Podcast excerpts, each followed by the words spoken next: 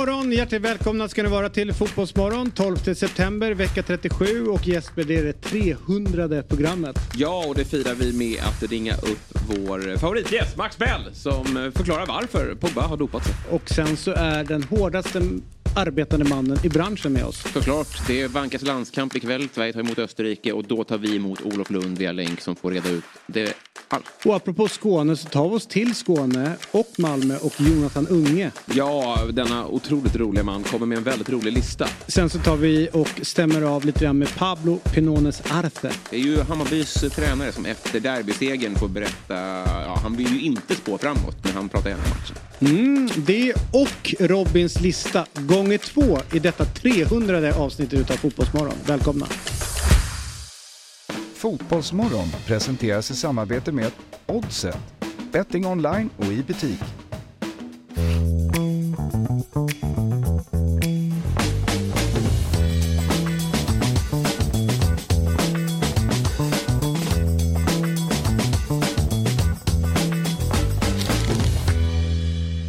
Morgon, hjärtligt välkomna ska ni vara till Fotbollsmorgon. 12 september eh, är detta datum och det är vecka 37 och här sitter jag tillsammans med mina goda vänner som jag ändå vill säga att ni är, inte bara arbetskamrater.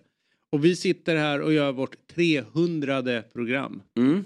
Tankar kring det Jesper? Bara ta in siffran 300. Ja, det var ju nära att det inte blev något. Ja. det har ju varit lite tekniska problem här på Ja, morgonen. nej, Strul med nät och annat. Men nu är vi igång och det känns ju alldeles utmärkt att få fira detta tillsammans med er två. ja. Vad tänker du? Nej men eh, om man orkar tänka så är det ju svindlande. Vilken, vilken vansinnesproduktion det är. Att vi liksom sänder ju hela tiden. Mm. Det är väldigt ofta det är fotbollsmorgon och väldigt, nästan lika ofta som det inte är fotbollsmorgon. Ungefär. Ja. På ett dygn. Ja men så är det ju. Eh, det är ju, eh, det är ju så, saker som sticker ut som jag kan tänka är väl, eh, det är ju klart att jag har känt Jesper väldigt många år. Mm. Eh, han dök ju upp som en frisk fläkt i ett program som vi hade som var 08 fotboll här hemma på Dobb. Mm. Eh, jag har ju vetat att han, vilka fotbollslag och sådär han håller på. Eh, och så säger han att han inte håller på någonting i England men det vet jag att han gör. Nej. Men, eh, men att du hatar dansken så mycket. Det hade jag ingen aning om. Nej. Alltså, Det, är liksom, det är väl det som man kommer ihåg från de här 300 avsnitten. att ditt hat mot dansken är ju större än mitt mot... eh, För jag hatar ju inte norrmännen, jag bara tycker de är jobbiga. Men jag hatade lite tron på Danmark i förra mästerskapet. Att det blev att de seglade upp som någon form av, eh, något form av monsterlag. Det köpte ju inte riktigt jag och där fick jag ju rätt. Ja, ja. Men eh, nah, agget mot Danmark, är det så stort? Ja, kanske. Men eh, jag tror att det är, du överdriver en, en aning där. Men jag har absolut inget lag i England. Vilket lag skulle det vara som jag håller på i England? Arsenal. Nej, nej, nej, nej, nej, nej. Jo, du har nej. väldigt. Arsenal-aura. Nej, nej, nej. Jo. Jaha, okej. Ja, det har han ju. Nej, nej, nej, nej. Osar Arsenal när han kommer gående på gatorna. Men bland trollen, vad blir du oftast anklagad för? Beror det, jag tycker inte jag blir så ofta Jo, men något anklagad måste för det- det. Eh, Något många, måste de säga. Många som tycker att jag föraktar eh. Liverpool. Men det eh, gjorde jag förut. Men jag gillar ju Klopps eh, bygge faktiskt. Mm. Även om det är en liten dipp just nu. Men eh, jag gillade ju Ljungberg när han var, och Henri är ju min absoluta favoritspelare genom alla tider tillsammans med Zlatan. Men eh, nej, jag, jag har absolut ingen sympati där. Eh, det måste jag ändå Nej, så är det ju. hävda. Hörru du, en underbar morgon vi har framför oss. Vi har ju Sveriges enda doktor med oss. Bombay. Mhm. Nej. det har varit härligt. Ja, det har varit fint att ringa upp honom. Kalle Kalle Kutta. Den doktorn hatar jag. Ja. Alltså överallt på denna jord. ja, vem gör inte det? Inte Robin kanske? Eh, du? Du gillar den? Jag eh, lät min mor sy upp två matchande turbaner. Och med eh, ett sidenband och en stor eh, plastädelsten där fram. Och sen så köpte jag och min kompis Mattias eh, matchande pyjamasar. Och sen var vi Dr Bombay och hans dansare på en skolavslutning. Ja men vad fint. Ja, så det, var, blev den bra, utstyrseln? Ja men det blev likt. Eh, lite rasistiskt men Ja, också likt. Körde du blackface? Eh, nej, Lite grann. kanske. Kanske. Det är Jag- preskriberat. Jag... Det var ju så trist för han hade ingen koppling till Indien överhuvudtaget va? Han var dansk. Just det, så var det. dansk jävel. Danskjävlar. Ja, ja, exakt. du ser, de är överallt. Vi, eh, I min familj så har vi en släkting, eh, han heter Göran. Mm. Och hans liksom mission här i livet har ju varit att kidsen ska lära sig den här låten. Mhm. Så att jag har ju eh, typ hotat med indraget lördagsgodis. Ja. Om någon går och nynnar på låten. Är det Görans kall i livet att dina barn ska lära sig? Mm. Ja, för han vet att jag hatar låten. Ja, vilken, här, vilken härlig man. Ja. Nu ska vi också göra vad vi kan. Ja, verkligen när de är här. Mm. De kommer inte komma hit. Den här morgonen vi har framför oss är det ju som sagt var Max Bell. Mm. Eh, och sen så har vi med oss ehm, eh, The hardest working man in business. Lund Olof. Mm. Exakt. Och sen har vi Ställer med oss, alltid upp. Ja, Mm. sen, sen har vi med oss Jonathan Unge. Det är häftigt. Ja. På nytt. ja vilket, vilken fin människa. Eh, och eh, det, det, det är också en lista. Robin har en lista, det vill man inte missa. Sen så eh, ska vi prata med en riktig succétränare. Eh, det spelades ju derby mot Djurgården i söndags för Hammarbys del Mm. som de vann. Och det är Pablo Pinones Arce som ska vara med oss. Just det. Så det rullar på Ett med... av fotbolls-Sveriges bästa namn, tycker jag. Tycker du det? Ja. Hans bror Oscar Pinones Arce och jag spelade i samma fotbollslag. Lidingö va? Mm. Det är lite sämre, men det är fortfarande väldigt bra.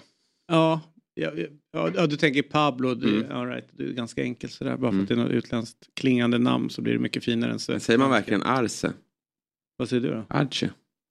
Kanske vi sa Arce i laget. Ja, det var så. Ja, Mm. vi får kolla då. Ars. Ja. Ja men vad fan, det här med uttal. Nej, ja, Alla, jag är han ju fattar ju att rusen. det är honom Ja, men jag vill bara om. höra vad det är. Ja. Nu ska vi eh, ta oss då till Sveriges enda läkare, doktor. Vilken... Och eh, hade varit för en att- rysare om det vore så. Att vi bara hade en läkare i det här landet. Ja. Men vi, ja, ja, jag men enda det. riktiga. Ja. Men eh, för att inte Jesper ska bli arg då på Då tar det sig eh, tid för det här. uttalet eh, på honom då. Så säger jag hjärtligt välkommen till Fotbollsmorgon, Max Bell. Eh, så att det inte blir något tjafs här från sidan om hur det ska uttalas. Eh, Sveriges som sagt var enda eh, riktiga läkare. Och så här är det. Eh, att eh, igår kväll så dök nyheten upp att franska landslagets och Juventus superstjärna Paul Pogba, Pogba har torskat för dopning. Det är okej med båda. Tack. Eh, han riskerar nu att stängas av upp mot fyra år. Det är ganska lång tid. Och många tror ju då att karriären är över för honom i det här läget. Det ska sägas att det var en spelare i den italienska ligan som åkte fast för exakt samma preparat och samma, ja men hela grejen. Och det blev fyra månader till slut för den spelaren. Så att det är inte liksom slaget i sten att det kommer bli fyra år. Men however, det är en fotbollsspelare som dopar sig och det är ju i andra sporter vi ser eh, så här aktiv dopning med ja, men, eh, bloddopning i cykling och det är eh, massa annat som de har stoppat i sig. Men fotbollen har varit relativt förskonad från, eh, från dopningsskandaler. Eller så är det bara nedtystat. Eh, För det borde egentligen vara fler som dyker upp tänker man. Men eh, det eh, Paul Pogba har tagit då är då eh, testosterontillskott. Och för att svara på vad det ger för effekter så är det klart att vi pratar med en, en eh, läkare. Och eh, Max, det här med att, eh, att man trycker i testosteron i kroppen, vad, vad ger det för effekter? Ja, eh, hör ni mig förresten? Ja, vi hör Yes. dig. Vi hör dig. Fan vad bra, för de här lurarna är lite weird. Men okej, säg till om det blir, låter konstigt. Jo, men tes- testosteron är en anabol steroid och eh, det man vill åstadkomma med att eh, ta sådana preparat är att öka då det som namnet antyder, anabolismen, det vill säga av muskulatur.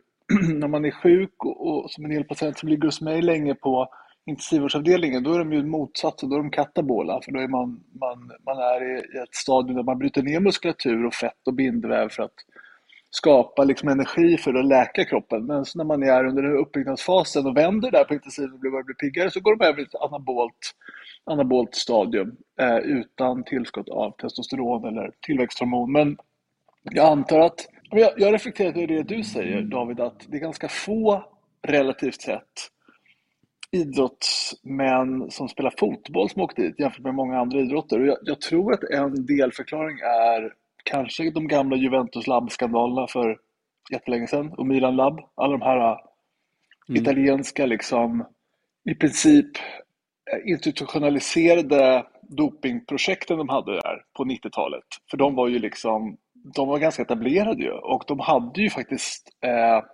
skade, alltså, skadade spelare som kom tillbaka otroligt fort. Vi, vi snackar ju så här korsbandsskador och de var tillbaka på plan efter liksom åtta månader.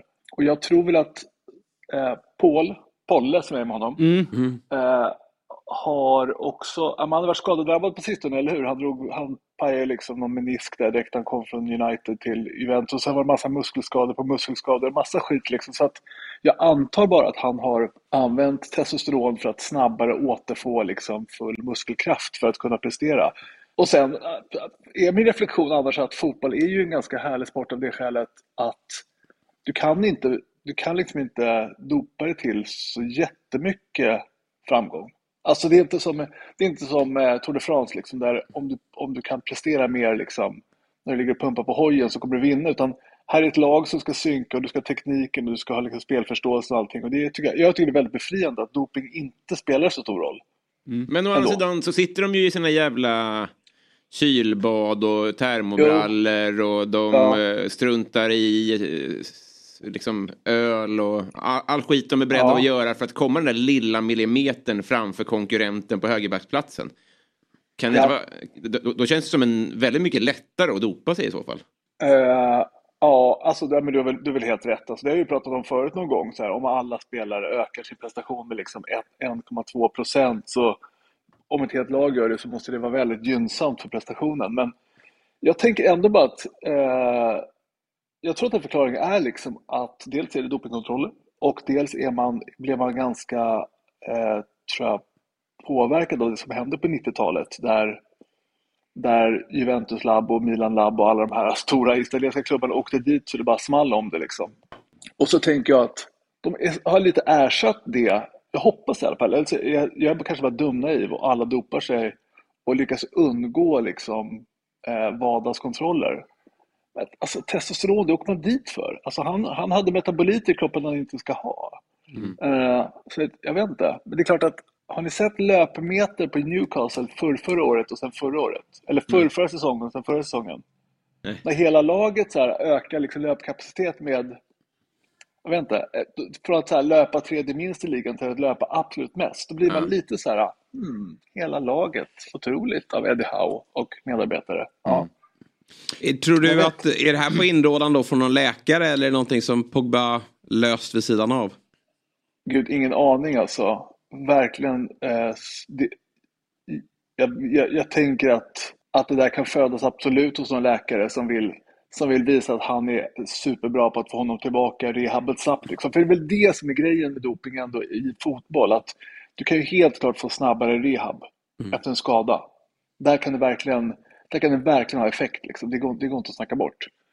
Uh, men jag vet, jag vet inte Jesper, det, kan, det, kanske är, det kanske är Pauls brorsa eller någon ja. shaman som har honom till rätt. Who knows liksom. Men, men, hur, uh, men, uh, men rent generellt om man tänker just som dopningklassade preparat. Hur stökigt är det att ta testosteron? För fakta är ju att för, för män så avtar ju liksom testosteronnivåerna med, med, med åren. Och ja. eh, om man liksom fyller på med det så kanske man får lite mer ursäkta slarvigt uttryckt, hets, hetsiga fotbollsspelare mm. på plan. Ja. Eh, ja. Men är, är, skulle det, för det finns ju så här testosterontillskott som det pratas om eller eh, med sådana här eh, tabletter folk kan ta för att öka på. Alltså inte som, som man kan köpa liksom i affärerna. Alltså hur, hur mycket ger det liksom det där med att man tappar testosteron som, eh, som fotbollsspelare för träning och Jo, men det, det, påverkar säkert en del. Jag tror bara att de här, de här legala tillskotten som, som eh, annonseras kring, och det kan man säkert se i närmsta så här, äh, gymbutik, att de har liksom något som heter Test och Boost och sånt. Det är inte testosteron, det är väl liksom en del andra det är en del andra tillskott som man tror sekundärt ska öka liksom luteinproduktionen och därmed testosteronproduktionen. Man ska liksom få igång den hormoncykeln lite mer de är inte så bra de där preparaten. Jag tror inte de gör så mycket på marginalen. Kanske lite. Men det, det, det känns som att det där är en, eh, ganska mycket en hoax liksom. Som annat, mycket annat i hälsokostbranschen. Inte allt kanske. Men, så jag tror att fotbollsspelarna blir äldre, precis som alla andra som blir äldre, får liksom träna mer och smartare istället mest. Faktiskt.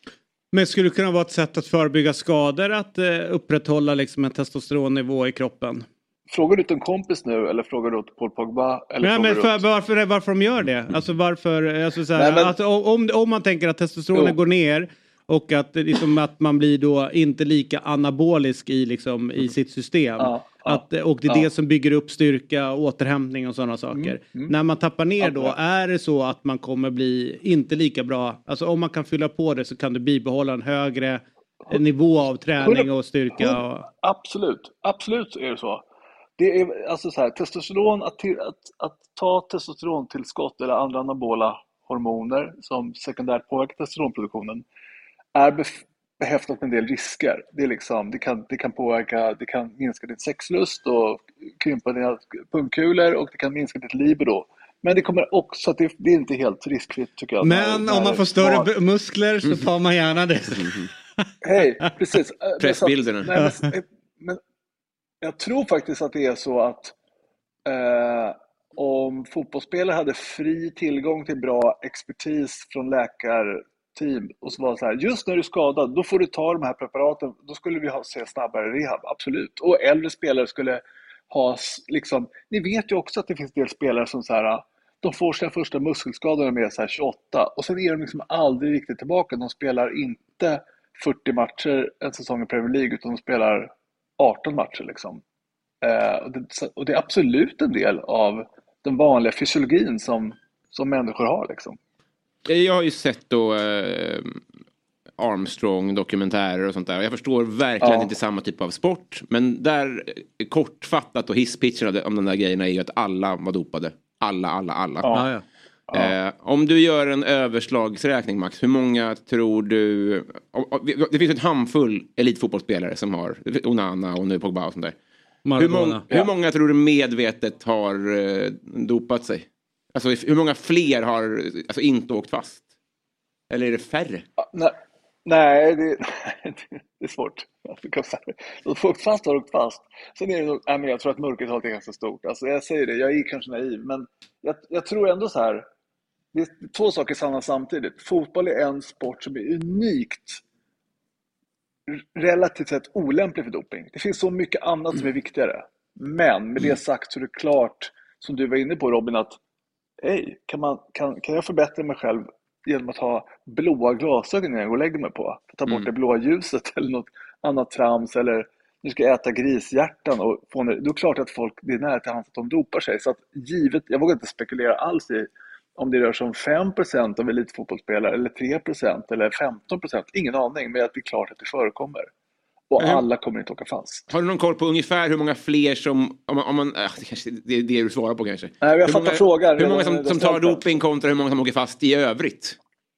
Ingen aning. Nej. Kanske vet någon så från VADA det, men det, det är faktiskt en bra fråga. Är det så att det är alltid en multipel på tre liksom? Vi missar. Men det kanske är så att de, de har ju väldigt täta kontroller. De, de har kontroller off-season och de har kontroller liksom. Och om du inte är, om VADA kommer göra ett nedslag på Brightons träningsanläggning Mm. och du inte är där för att du är sjuk den dagen, då kommer de liksom se till att, då missas inte, du är liksom inte, då har inte du missat kontrollen, du har bara hoppat över den för tillfället, då kommer de söka upp dig liksom i hemmet eller whatever. Så Jag vet, men så sa de inte Tour de France också. Jag vet. Det Jag var ju vet. påsar med kiss på låret och grejer. Liksom. Ja, Jo, och men så- Lance var ju riktig, han var ju riktig fullblodspsykopat. Alltså. Ja, jo. Ändå, ändå mer psykopat än de flesta fotbollsspelare. Kanske. Kanske. Det, det man vet är, det var ju det Rio Ferdinand åkte dit på ju. Aha. Eh, så han missade ju en dopningskontroll och gjorde det tillräckligt många gånger så att han blev ju avstängd har jag för mig från, från spel. Och Exakt. det var ju liksom som Exakt. Ymer-eskt. Sådär, att han, det var ju inte fast så att han hade dopat sig men han hade inte kommit till dopings, dopningskontrollerna. Så att ibland gör de ju på träningsanläggningar men sen är det ju dopningskontroller direkt efter matcherna också. Men eh, i- jag tycker att det är spännande för, för man tänker så här att om man blir skadad så kan man, man kan ju operera någon. Alltså man kan göra ingrepp som egentligen är fusk. Men om man tänker då att om någon har de här äh, återkommande, men ta Reece James till exempel. Han går sönder hela tiden. Äh, Det är, det är två säsonger nu han har haft liknande skador. Och säsongen innan det så spelade han över 45 matcher liksom, och det var inga konstigheter och, och innan det. Men han har ju börjat få massa skadeproblem. Då tänker man ju så här, okej, om han då hade fått testotillskott, alltså bli, fått hjälp med Ja. den ana- anabola tillväxten ehm, och liksom kunna bli skadefri då. Då skulle man kunna säga så att det här är en del utav en behandling. Alltså Ja. som man tar Mm. eh, eh, ja, men penicillin eller vad fan det nu är. Att Mm. man skulle kunna komma dit. Men är det fortfarande betraktat som att man fuskar då? Alltså vad, vad är dopning? Alltså det skulle man kunna säga så här. Nej, det här är så, den här spelaren har så mycket problem med, med, med bristningar. Ja, vi, måste komma till, vi måste skriva ut det här för att komma till, till rätta med det. Ja, nej men alltså det, det är faktiskt en... Det där är en grej som eh, filosofen Torbjörn Tännsjö tog upp någon gång för jättelänge sedan. Han tyckte liksom vi skulle ha ett vanligt OS och sen ett OS där det var fri doping. Ja, då- Då skulle det vara, men då blir det, näst, det blir nästan så här F1-cirkus, liksom, att lag, att lag så här, AstraZeneca tävlar med sin sprinter och, och, och pumpar i hen hur mycket som helst. Jag vet inte, 100 men meter på vi- vi sa- 5.30. Visst, visst har du en poäng i att, alltså så här, jag snackade någon gång med en svensk lagläkare som berättade att de flesta brittiska lag då i högsta divisionen i Premier League, de har egna, de har liksom egna operationssalar. De har egna MR-kameror för att kolla knät snabbt, de har egna operationssalar, de har egna ortopedkirurger. Eh, tydligen egna upplag då antagligen. Och det, är ju, eh, det har ju inte klubbar i liksom allsvenskan. Eller i nästan någon annan liga tror jag. Jag tror inte klubbar ens typ i Bundesliga har det. Och det är ju redan en slags ekonomisk doping. Och vad, det är klart att nästa steg är att säga så här, ah, men Reece James han har så jäkla mycket muskelproblem då. För att han ska vara optimal vård ska vi ge honom en testokur under den här första rehabtiden för att liksom, och sen göra ordentliga muskelmätningar. Det- jag förstår att det är, det, är, det är helt relevant. Vad är det som är så magiskt med att just testosteron är doping medan att ha världens bästa ortopedkirurger ett telefonsamtal bort inte är samma typ av fusk? Det kan man ju diskutera. Men det har väl att göra med de här tidigare liksom, extrema vinsterna i till exempel sprintlopp, när det är bloddoping, långlopp, ja ni vet, liksom hela Johan Mühlegg-grejen där. Så det, det är knepiga frågor, tycker jag. Du, innan vi släpper dig, eh, så du sa Argentinas landslag hade alla egna oxygentuber med sig till bortamatchen mot Bolivia i La Paz som ligger på 3637 meter över havet. Hur mycket hjälper det i förbe- för- förberedelserna när man ska så högt upp i bergen och spela? Eh, ja, oxygen är känt i Sverige som syrgas. Mm. De hade syrgastuber. Eh, syrgashalten är i, eh, på 3000 plus meter i La Paz är ju lägre. Och eh, jag kan inte se faktiskt fysiologiskt att tillskott av egen, de, de kliver ut bussen liksom med varsin personlig syrgastub, att det hjälper ett smack när de väl kör matchen. Jag undrar om inte det är till och med tvärtom så att klart, de hinner inte ställa om. Ni känner till konceptet höghöjdsträning, Mm, right? mm, Det är att man ja. utsätter kroppen för en låg syrgasnivå och då börjar kroppen producera 2,3-DPG som är ett enzym som gör att liksom, eh, blodkropparna släpper syre lättare. Så man, man vänder sig helt enkelt. Och när man sen kommer ner på låg, låg mark så är man, liksom, då är man som att man är bloddopad fast man inte är det. Det är en slags tillåten doping. Men att man då ger extra syrgas till de argentinska spelarna precis före match kan inte jag fatta att det kommer hjälpa särskilt mycket för att sen ska de maxprestera på 3600 meter och då har de ju inte syrgastuber på sig. Eller? Eller? Kutat runt med syrgas under matchen, ja men då skulle det en liten diskret liten näskantarell med syrgas, det skulle kanske funka. Men att puffa lite syrgas innan de kliver in och ska spela, det verkar vara, det verkar vara helt onödigt. Trams. Det tror jag bara bullshit. Härligt, vad vad härligt att ha med dig, vad bra med dig. Mycket trevligt. Och eh, vi hoppas att vi snart ses och hörs igen. Om inte annat så ses Det vi på jag med, arenan David. den 18 klockan Så blir det. 19.00. Så, stämmer. Ja, ha det Peace gott. out. Detsamma. Ha det bra. Hej, hej. Tack. Eller vad sa jag? Nej, jag gör inte det. Ja, hej, hej, hej. Dagens avsnitt görs i samarbete med Telia som gör det möjligt att samla alla dina favoritsporter på ett och samma ställe. Följ bland annat Premier League, Champions League, seriespelet i SHL och slutspurten i Allsvenskan. I Telia Play-appen sänds alla matcher live men går också att se i efterhand. För 649 kronor i månaden får du dessutom tillgång till film och serieutbudet inte bara hos Telia men också hos Viaplay, TV4 Play och HBO Max utan extra kostnad. Så, att samla sporten smartare och dessutom få en massa extra på köpet, det är Telia. Vi behåller eh, lurarna i. Mm. Därför att vi ska ta oss till, som sagt var, den hårdast arbetande karn i vår bransch. Han är överallt. Om han inte är i Australien så är han i, i Solna. Om han inte är där så är han någon annanstans. Eller så sitter han och vinner frågesport. Eller skriver krönika i DI. Eller, ja, ni fattar. Han, eh, han slutar inte att jobba denna kar. Eller skriver böcker eller håller föredrag och så vidare. Cyklar mycket också. Cyklar mycket. Mm. Och det är Poddar. Det, ja, ja poddar. Men eh, så här är det, med cykling är det rätt roligt därför jag pratade med honom om det för tusen år sedan. Mm. Och eh, det är ju det är hans lilla vardagsmotion. Mm. Det är därför han alltid ser smal och vältränad ut utan att vara frekvent besökare på gym. Nyckeln är cykel. Mm. Men han är också från Skåne så att han har cyklingen i, i generna. Just det. Han kanske är dopad. Ja. Varje morgon han känner baksidan. Ja. Tar en liten testospänn. Ja, ja. Okej, så är det. Men i lördags i alla fall så var det så. Då sa alla att nu är det fem finaler kvar för Sverige. Mm. För att kunna ta sig till EM. Det blev seger. Nu är det fyra finaler kvar. Och den eh, första då är ikväll. Utav de fyra som är kvar. Och eh, där har vi då eh, såklart på plats Olof Lund. Och nu är han med oss. Och jag tror att det ser ut som att han sitter skulle kunna vara på Friends redan nu. I så fall är det helt enormt vad tidigt han är på plats. Det är därför han alltid får bästa platsen. Eh, god morgon, välkommen till Fotbollsmorgon Olof Lund. Är det på Friends du är? Nej, jag är på TV4. Jag har precis varit med i Nyhetsmorgon och pratat om eh, EM-kvalet. Ja just det, det är ikväll ja. Eh, är du sprallig inför matchen? Är du förväntansfull?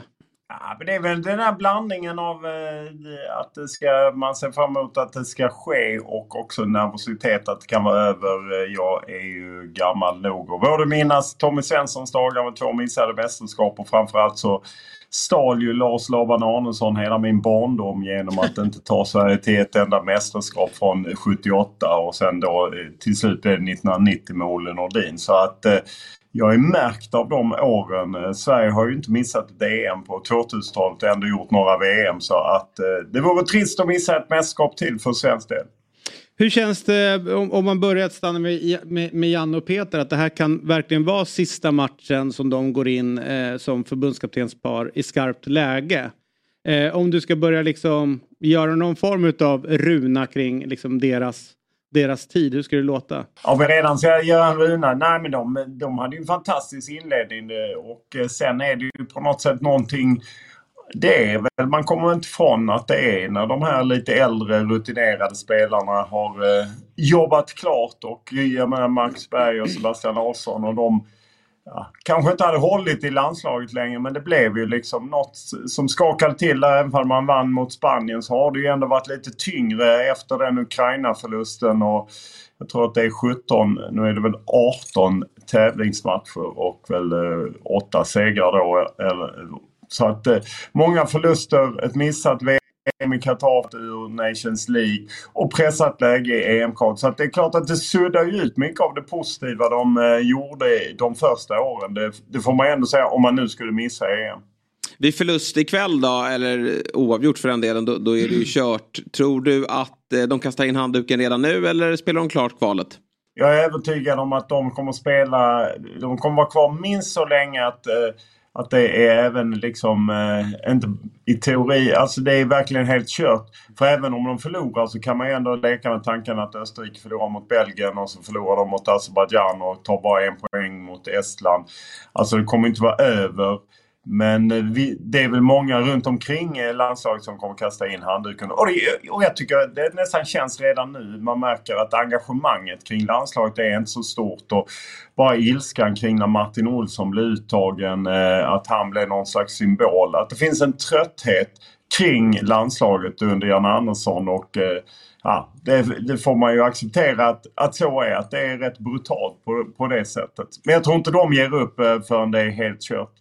Men därför tycker jag att det piggar upp lite här att han två matcher i rad ändå väljer liksom, rätt elva. Och det är inte rätt elva utifrån att hela folket vill ha det. Utan det är, ju, det är ju spelare som faktiskt presterar i sina klubblag som tas ut i den här startelvan. Och inte spelare som lever på gamla meriter. Det gör ju att när jag ser den här startelvan som har ju avslöjats då från Sportbladets ehm, eh, sida är det väl. Eh, att eh, det blir en förändring i att eh, Albin Ekdal kliver in för, eh, för ehm, Gustafsson. Då, då kliver jag in med inställningen att jag, jag, det, här är, det här är en bra startelva. Och, och då, då känns det på förhand mycket bättre också att ta sig an matchen. Jag förstår det. Jag tycker det är häftigt att de satsar lite offensivt. Att hela den kvartetten är, är, är kvar på banan. Man kör med Gyökeres och inte gör som man spelade i Wien med Kulusevski på topp. Sen kan man ju alltid skrapa på ditt resonemang om spelare som spelar. I, det eh, finns väl ändå några som inte spelar i sina klubblag jättemycket. Eh, och eh, Emil Forsberg, Robin Olsson för att ta två exempel. Eh, men det som jag, jag gillar att han svaga offensiv. Man var lite orolig för hur funkar Linus Wahlqvist, Ken Sema mot ett bättre motstånd. Jag tyckte inte heller Isak Hien så helt stabil ut mot Estland. Eh, det är väl mer där eh, oron kan känna att det kan straffa sig. Plus att Österrike har gjort det väldigt bra mot Sverige ofta och eh, ja, det känns det någonting i det österrikiska spelet som inte riktigt passar Sverige. Men jag tror Sverige är stärkta av 5-0. Hade de vunnit en knapp seger i Tallinn hade det varit en helt annan sak. Jag tror publiktillströmningen, att det nu är närmast över 40 000 åskådare. Det kommer också att lyfta laget. Du nämner eh, Martin Olsson som symbol för den, den frustration som finns. Uh, upplever du att den där frustrationen har läckt in till spelartruppen någonting? Och i så fall, alltså, hur har det påverkat? Jag tror inte att den har läckt in jättemycket till spelartruppen. De har ofta en förmåga att på något sätt isolera sig. Det är klart att det är enstaka spelare. Jag tror att Alexander Isak eh, behövde göra det där målet. Jag tror att han har varit lite pressad kring att inte göra mål och att det finns väl olika eh, liksom, spelare som lider av någonting. Men det blir ju ibland så att en spelare kan symbolisera någonting. Just Martin Olsson då som att han kommer in i truppen. Att folk hetsar upp sig över det och vill ha in Noah Persson som inte ens platsade i U21-landslagets premiär det, det blir liksom... Och det symboliserar ju ändå väldigt mycket den frustration som finns kring Janne Andersson och landslaget. Det kommer man inte ifrån. Att, sen är det säkert så att på ICA på Lidingö så är säkert folk vänliga mot Janne Andersson. Men det är uppenbart att det finns liksom ett, en otrolig ja, men en trötthet kring den här försiktighet som Janne Andersson ibland visat. Eller hur han drar sin statistik. Eh, ja, det här körsbärsplockande med statistiken. Eh, att vi nu har sju av nio segrar i sju av nio senaste matcherna. Mm. Du, eh, du nämnde ganska roligt där efter Estland eh, om det varit en eh, tight match eller stor seger och om man då blickar tillbaka lite grann. Nu är det inte ett mästerskap vi ska gå in i men det är ändå fyra avgörande matcher. 1990, kommer du ihåg när vi mötte Finland tror jag på, på Råsunda och vann jättestort. Alltså den där hypen mm. som blev att nu har det vänt, nu är vi på gång och alltihopa. Liknande liksom tendenser fick jag efter 5-0 mot Estland. Det blev så jäkla glatt snarare, alltså det är ju egentligen skitsamma hur det ser ut i matcherna nu utan det är ju att ta fyra segrar. Alltså att man blir lite lurad inför den här liksom. Håller med om det delvis och inte minst eh, Huvudstadsbladets eh, krönikör Jonas von Wendt tyckte att vi svenskar var patetiska som firade som om de hade nått VM-final. Jag tycker inte riktigt det är korrekt. Sen 1990 var ändå en träningsmatch mot Finland. Det här var ändå en tävlingsmatch. Estland gjort det bra mot till exempel Österrike jag tycker ändå att det satt ihop på ett annat sätt laget och att man fick målen och att man får rätt tidiga mål. Det är inte ens som ett tag sedan Sverige dödade en match i första halvlek och på det sättet alla... Den Kulusevski var ju väldigt bra. Eh, jag tror man måste ta med sig det. Att det har sett så risigt ut tidigare eh, och att man nu liksom fick det att lossna. Det är väl det som bygger ett visst hopp. Sen är det klart att alla famlar lite efter halmstrå efter en tid eh, i landslaget eh, som varit otroligt eh, bökig och jobbig och där det har gått så himla himla dåligt som det faktiskt gjort. Mm. Det är bara att spola tillbaka tiden till eh, efter vinsten mot Azerbajdzjan också med 5-0. Då stod ju alla redo med högaffeln. Nu blev det ju ett snack om Jesper Karlsson där men, men man var ju inte nöjd med den insatsen. Sverige var ju faktiskt dåliga i den matchen. Sen rann det på mot slutet. Men här är ju som Olof är inne på. Här var ju faktiskt en bra insats. Och jag tror att vi måste börja starta med bra insatser för att kunna rå på ja. de här lagen och ja. få självförtroende i gruppen. Ja men så är det För det är ju inte, den tidigare generationen var ju också så här, Larsson och Lustig och, och, och Berg och alla. De, de, det var ju ett hårt arbetande landslag som kunde vara nöjda med att rycka tre poängen och, och göra det på sitt sätt. Det här landslaget är ju ett mer spelförande landslag. Jag tror att de behöver en bra insats för att kliva ut med självförtroende ikväll. Mm. Du, eh, det är också snack nu om Janne, trötthet runt Janne och så vidare. Det finns väl ingen riktig liksom, naturlig ersättare till Janne om man nu skulle, eh, om man liksom börjar tänka vem är nästa svensk förbundskapten? Och jag går ju efter devisen svensk, en svensk är svensk förbundskapten i Sverige. Vi håller inte på med norrmän. Nej, jag kan väl hålla med om norrmän. Men eh, Graham Potter tycker jag hade varit intressant. Men det som, om man backar ett steg så är det ju ett helt nytt förbund. Om man tidigare kunde läsa liksom eh, lite av förbundet så är det ändå så att vi har en ny förbundsordförande Fredrik Reinfeldt som inte ens ja, han är väl snart uppe i ett halvår. Vi har en position som vi aldrig haft tidigare i svensk fotboll. Jens T Andersson som är någon slags övergripande landslagschef och är rätt ny på jobbet. Vi har Håkan Sjöstrand, avgående generalsekreterare som har klamrat sig fast och, och sitter kvar samtidigt som han letar en ny generalsekreterare. Jag tror att den mixen gör att det är lite svårt svårläst utifrån hur man kommer leta men jag utgår från att Jens T Andersson ligger på telefonen till Graham Potter och kanske känner med Kim Bergstrand, Thomas Lagerlöf, eh, vem det nu må vara. Finns det några intressanta namn? Eh, jag hade ju gärna sett att man gick till... Jag hade gärna velat få in Jonas Tern kring landslaget och kanske med Olof Mellberg eller med Henrik Larsson vem han hade funkat bäst med. Men, ja, men storspelare som ändå har gjort någonting på tränarposten. Jag vet ju att Fredrik Ljungberg kanske också är sugen men jag tycker han har gjort lite för lite som eh, tränare. Eh, Henke och Mellberg har ändå gjort någonting och Tern har stått för en fotboll och ett modernt tänkande som jag, jag tyckte var intressant. Jag hoppas verkligen att Jens T Andersson jobbar med telefonen och känner på folk vilka som är intresserade. För oavsett om Sverige vinner de här fyra finalerna eller ej så kan inte Jan fortsätta efter Tyskland utan det måste komma in någon ny kraft som kan eh, se på svensk fotboll på ett annat sätt. Jag tror att egentligen tre mästerskapscykler är det som är, är lagom för ett... För sen blir folk, spelare blir trötta, medier, allmänhet liknande. Det blir eh, det blir en slags utnötande av, varandra och jag är inte säker på att alla i spelartruppen tycker att det är kanon med det sättet man har haft under Janne och Peter. Men ja, det är i varje fall de signaler man får att de kanske ser på fotboll på lite olika sätt. Mm. eh, för jag får ju också känslan av att det finns liksom mandatperioder som du säger. Det är en cykel när folk... Även om, alltså, det hade krävt ett mirakel. Vi hade lett gruppen. Då kanske folk inte hade skrikit Janna out. Men det känns som att hade vi legat tvåa just nu före Österrike känns det ändå som att det hade... Varit... Jag tror inte det. Jag tror att det är resultat. Alltså att... Det, jag tror man får liksom dela upp det. De som är inne i fotbollen, alltså om man tar gruppen spelare och de som är nära, de, de har ju säkert en trötthet i och med att om man inte blir spelad eller att mm. det är som det är. Men, men jag tror att den breda massan är ju mer krassa så här om, om man tänker okej okay, vi är på väg till EM eller VM, då är vi nöjda. Alltså vad mer kan man göra? Men problemet är alltså, väl att det har ju sett så ganska dåligt ut under, alltså att vi har missade mästerskap, alltså vi är inte med i Qatar, vi missar det här. Alltså jag tror att det är missarna som gör att det blir tröttheten.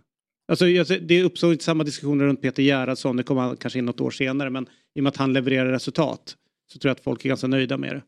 Ja men där är du väl ändå nosa på ett mirakel. Alltså jag menar om, du, om det går... Nej, men det jag säger, så länge man levererar resultat. Ja, och där jag säger, hade det legat tvåa, kommer... vilket inte är ett mirakel, Nej. och, och ett, ett ish-resultat, då tror jag ändå att folk hade velat ha nytt blod. En, någon, någon lite charmigare, någon lite som inte... Alltså... Men jag tror Belgien ser ändå så här, att det är okej att ligga två efter Belgien. Men det är absolut inte ligga tre efter, efter Österrike. Jag tror att det är den som är, och ett missat mästerskap innan. Alltså jag tror bara det är läge att vara självkritisk här. Man är nog inte så rationell som man tror. Man vill ha en ny förbundskapten var sjätte år. Jag tror man funkar så. Mm. Som folk. Ja, kanske. Mm. Det är spännande. Jag tänker ju så här också och nu kommer du säkert börja skratta Olof som har grottat med det. Men man, om man följer Jens T Andersson som jag tror kommer ha ganska mycket att säga till om. Vad han har liksom för go-to guys eh, runt det hela så är det ju Jens eh, Gustafsson som han har liksom ringt många gånger och han har varit u en gång i tiden. Dock ett bra jobb, eh, går ju bra i Polen. Men sen så är det... det inte nu.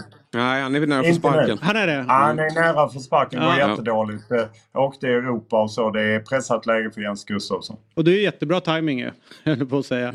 Mm. Eh, och sen så den andra jag funderar på, det är verkligen en långskott. Så här, men jag vet att de eh, har jobbat ihop mycket. Det är Andreas Alm. Eh, som eh, är ju också en, en förbundsäsk till typet och han har varit inne i förbundet och sådär. Så det är de två jag har funderat lite grann på att, eh, att de sitter och liksom tittar mot. Sen är det lite grann om de vill till någonting annat så finns Daniel Bäckström, eh, U21. Eh, jag tror inte att, eh, jag, tycker, jag personligen skulle inte se det så, men man vet inte om vad som händer inne i bygget. Eh, nu har, har inte han gjort lysande resultat. Men det är väl de som jag har funderat på kring när man bara ska ta, ta namn ur hatten. Jag, jag tycker ju, ja, fortsätt Olof, vad säger du? Nej, men Daniel Bäckström kan jag inte tro på en sekund. Nej. Och jag tror att den här nya dynamiken som jag tog upp med Reinfeldt, eh, Jens att det gör att det är rätt svårt att analysera. Plus att de, de, de är i slutrundan och tar in en ny generalsekreterare. Och det är klart att svensk fotbolls blivande högste tjänsteman, eller måste vara med i den processen. Det kan inte Håkan Sjöstrand styra som ska lämna förbundet. Utan, och det tror jag gör att det är svårläst för oss utifrån vilka de kommer gå på. Det är klart att Jens T Andersson kanske ringer Andreas Alm i Odense och så men han, han måste bredda den mm. blicken eh, och det utgår jag från att han gör. Det är ju hans jobb på något sätt. Och bara flika in det ni pratar om popularitet. Jag menar, när Peter Gerhardsson presenterade VM-truppen var det rätt många som tyckte det var en tråkig trupp. Var eh, Rosa Kafaji. Alltså, hade det inte gått bra i Australien, det är rätt snabbt det ändå växer till sig att, att man inte tycker att eh, det het, hettar till riktigt. Och, och jag tror inte att eh, det har varit så mycket dåliga liksom, resultat i landslaget och att man har känt ett sug efter något nytt som gör att jag tror att eh, ja, men rätt många vill se någonting annat. Och en förbundskapten nöts ju också ner. Se på Jan Andersson som var bäst på att hantera media under så många år. Men sen på slutet har haft det rätt svårt med media och varit lite stingslig med liksom eh, överkokningen med Bojan Djordjic som eh, kulmen. Ja. Sen så har han ju lackat på Kücükasla några gånger men det kan man ju förstå. Det kan man förstå. Ja, så är det. Hörru du, eh, om du får ge ett, ett, ett resultat ikväll. Vi håller inte på med något spelsegment nu så du behöver inte vara orolig utan det är bara din, dina tankar. Ja, jag tror faktiskt ändå Sverige tar det på, på svallvågorna från, från Estland. Jag tror att de, jag tror inte Österrike är sådär jättekaxiga nu när de kommer hit och har sett att Sverige ändå lite vaknat liv. Ja, jag tror faktiskt Sverige tar det. Härligt! Det blir en spännande match eh, och jag hoppas att du eh, eh, får en härlig, härlig dag inför den stora matchen ikväll. Tack så mycket för att du var med Olof. Detsamma, ha det bra. Ha det bra. Hej då. Fan, ändå, man får lite råg i ryggen när Olof Lund tror på seger. Ja, Han jag... brukar ju vara, inte tro på segrar medan jag brukar vara den som tror på seger. Mm, du tror alltid på seger. Jag, brukar jag tror ju på att det blir torsk ikväll. Ja. ja, det är det som är grejen. Ja. Nej men jag... Eh tycker det är helt rätt av, av Janne som sagt. Jag, jag gillar verkligen startelvan och att han eh, låter den här offensiva kvartetten spela. Och det, det, är en, det är en fruktansvärt stark offensiv kvartett. Ja, det är det. Och jag gillar att han sätter skölden på mittfältet. Eh, Gustafsson, jag glömmer alltid om det är Simon eller Samuel. Samuel. Samuel. Ja. Jag vet ju exakt vem det är men jag glömmer vad de heter.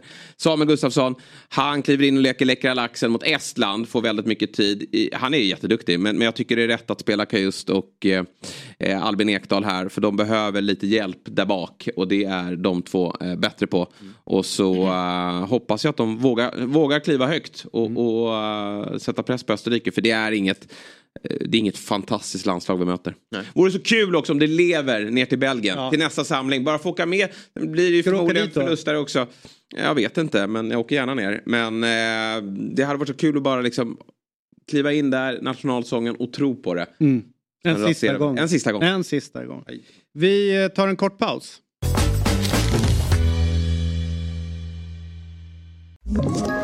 Ett poddtips från Podplay.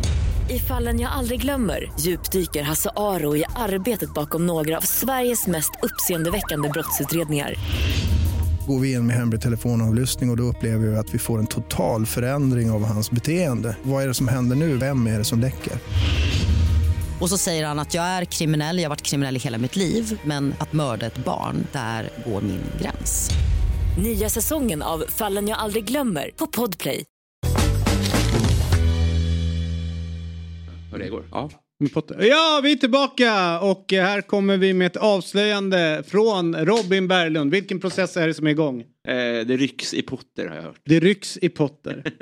Så här är det. Bomben. Ni vet, ja, ni vet hur det är i Eurovision när alla länder delar ut högsta poäng till länder som man antagligen har en relation till eller står i skuld till. Mm. Ni är med mig här? Ja, absolut. Ja. Eh, det är ett ganska roligt system. Mm. Eh, också ganska frustrerande system, tänker jag. Men eh, då satt jag och kollade på EM-kvalmatchen här i veckan. Mm. Och så började jag tänka så här, vore det inte kul att föra över det till fotbollens värld? Mm.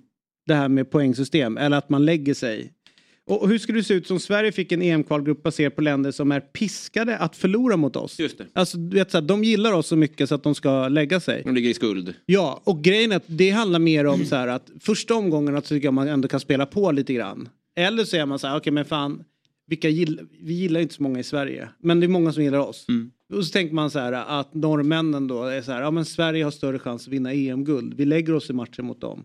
Alltså att det blir så. Det är ju mm. så det är i Eurovision. Lite grann. Just det. Eh, och och det, det vore rätt liksom, så spännande. För då vet man ju vilka lag som kommer gå vidare. Ja, Utifrån men- vilka som är polare. Och Hur inte hur många vänorter man har. Eh, exakt. Eh, och så här, jag tänkte att eh, Jonathan Unge som, jag, som vi gillar. Mm. Som, som är lite orolig för oss för att vi släpper in psykiskt sjuka människor i programmet för att skapa content. Mm. Men eh, det har vi inte gjort den här veckan och då tänkte vi då ringer vi upp någon som är frisk. Mm. Nämligen Jonathan Unge. Och nu sitter han på en buss i centrala Malmö med massvis med nazister runt omkring sig. Mm. Eh, och eh, han är väldigt stressad. Men vi ska se om han vågar prata med oss när han sitter på eh, stadsbussen i Malmö. Vi säger så här då, Jonathan Unge, god morgon. Jag hoppas att livet är bra med dig. God morgon, tack. Hör ni mig? Ja, vi hör dig. Vi hör dig. Ja, vad trevligt. Ja, men mitt liv är toppen. Ja. Förutom, Det- förutom, en tandvärk. Okej, ja, men sånt är jobbigt Det- och det är övergående. Men du, Ja. det här med, eh, vi, vi, eh, vi lovar att ta till oss att eh, kritiken från Della Sport eh, som var att vi Ja. släppte in psykiskt sjuka människor i programmet. Ja, det var, Vi, ja, det var, eh, det var hemskt var det. Det var som att lyssna på eh, ett av de där sommar, det, sommarpraten.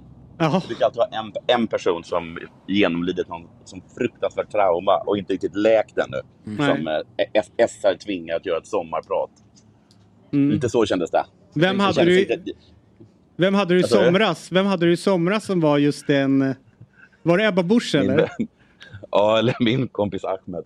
Ja, ja, eh, någon Ja. är det alltid. Han, han höll på att dö förra året. Och så tvingade då Bibi Röde honom att göra ett sommarprat om det. Han var ju inte alls, han var inte alls läkt i sinnet.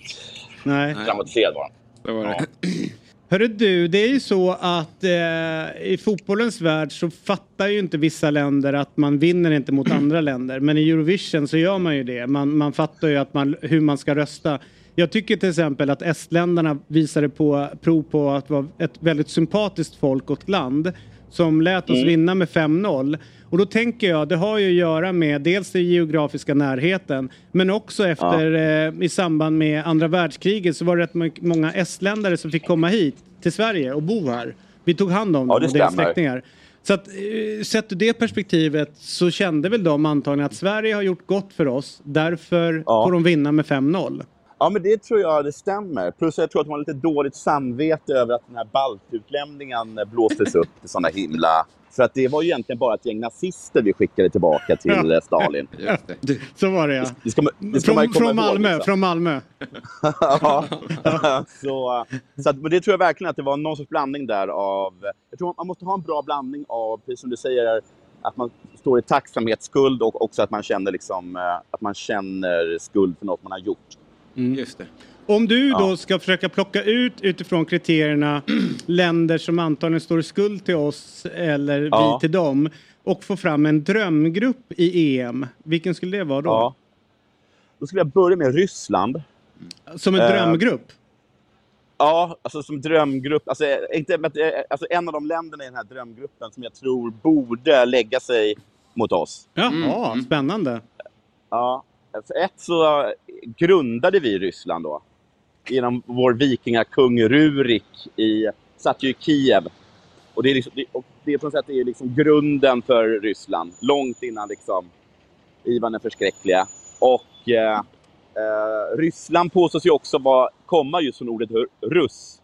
Alltså eh, liksom männen från Roslagen som slog sig ner eh, längs de ryska floderna.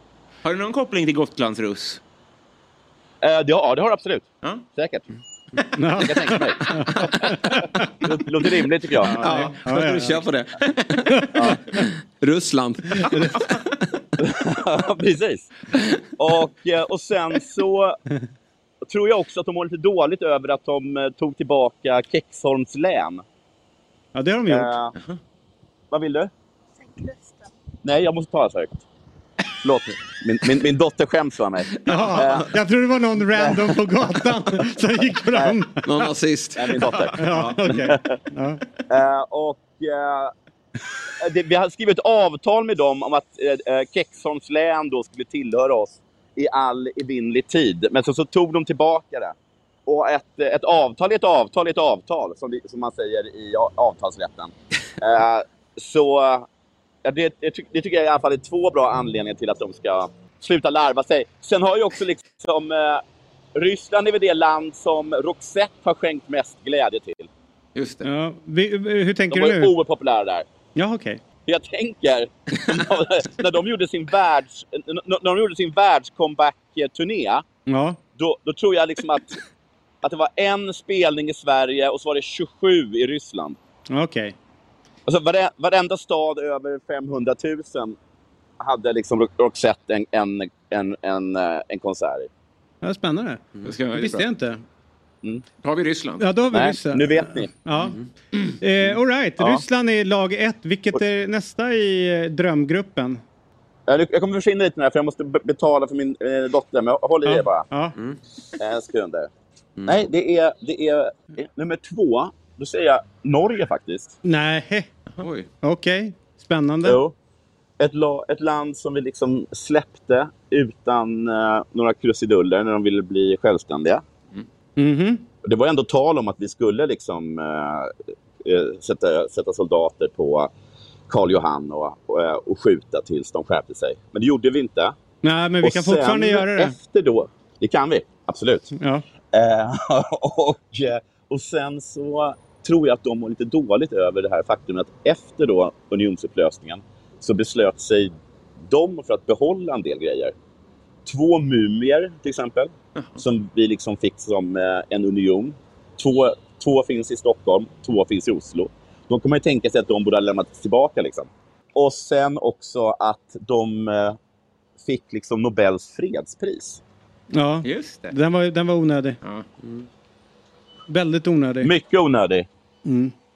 För det är väldigt sällan Så, man får känslan av att norrmän kommer med fred och kärlek. Ja, Det är det ju är våra väldigt- pengar. Där har vi väldigt tydlig skuld. Ja, ja men verkligen. Och till vår olja. Ja, men det är också, det är också liksom det absolut största Nobelpriset. Det är nästan det enda Nobelpriset folk känner till.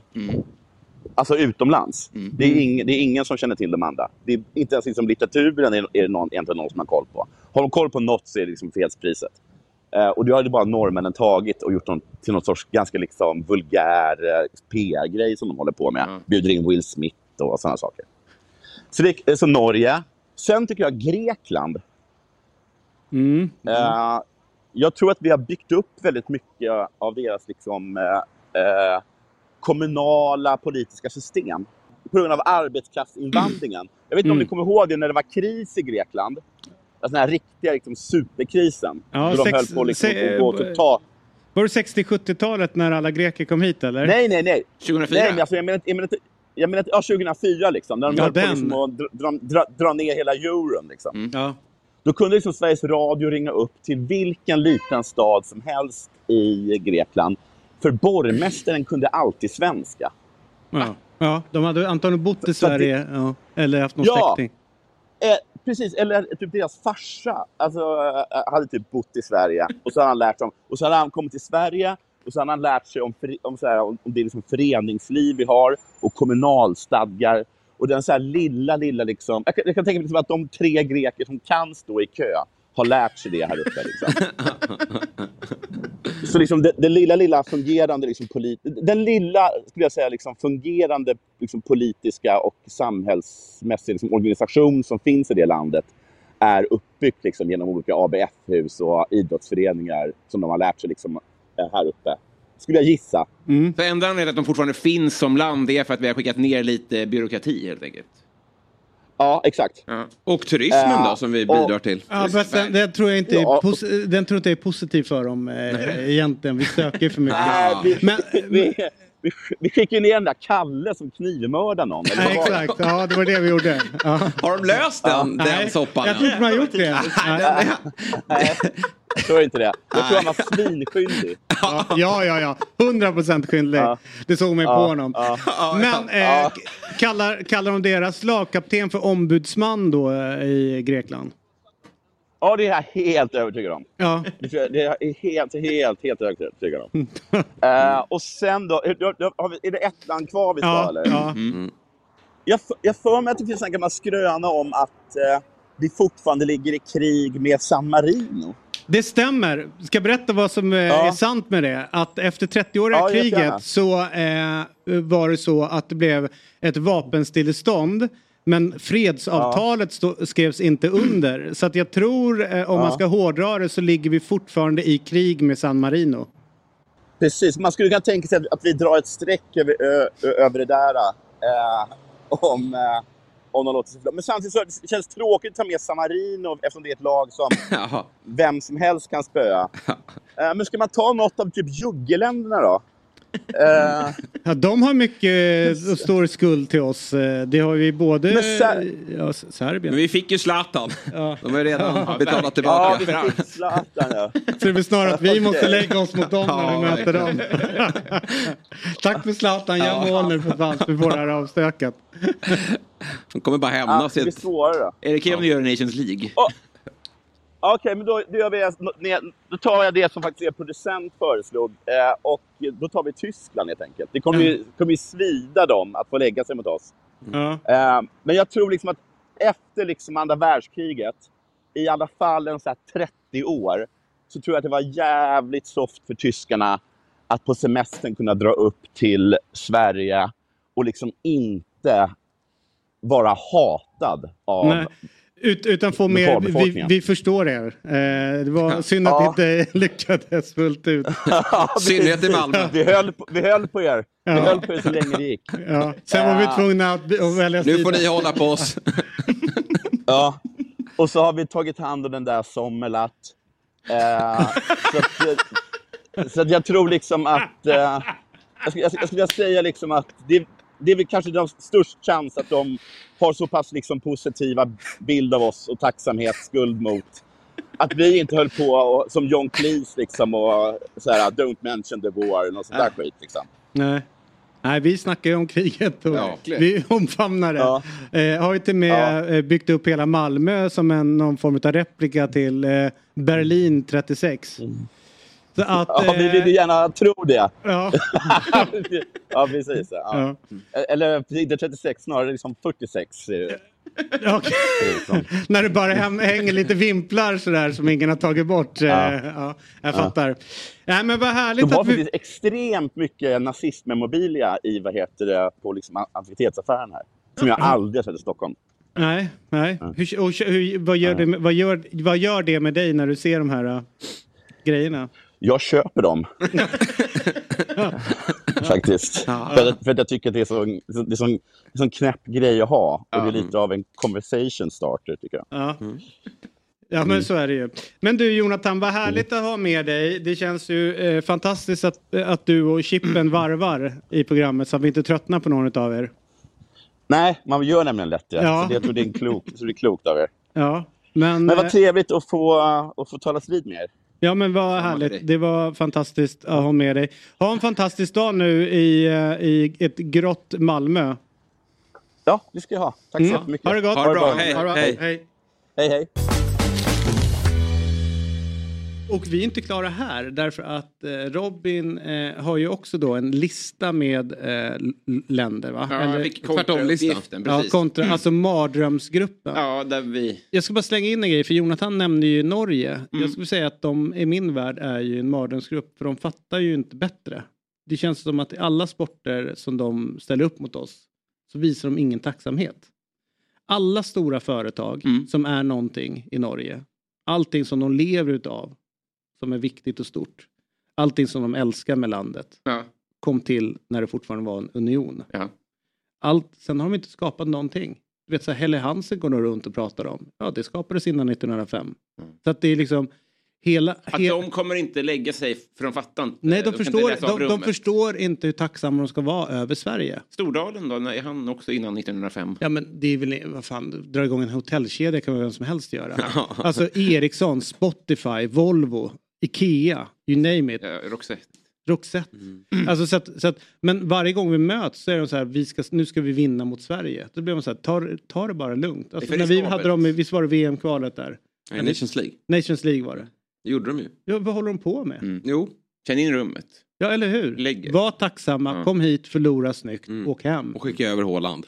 Ja. Ja, ja. Eller- ja. Eller så kan ni få kämpa om ni skickar över honom. Ja. Precis. Och hans, sa, och hans över Åland? Ja. Jag låter dig tro det. att, det, att det hör dit ja. ja, ja. Vad sjukt att du har, ja just det. Och Sjåland kan de också skicka över Ja, om han nu precis. skulle bli något. Ja men det blir hela släkten. Ja, ta hela jävla släkten med de svenskar. Men skitsamma, nu är det dags för vår mardrömsgrupp och då är det alltså i en, eh, ett, ett, där man har ett Eurovision-take på det hela. Där vi känner oss skyldiga och, och lägga oss. Lägga oss. Svårt att, att rygga unga här, men jag ska försöka. Du börjar med Ryssland. Eh, visste ni att eh, det finns en sägen om att Sverige fortfarande ligger i krig med San Marino?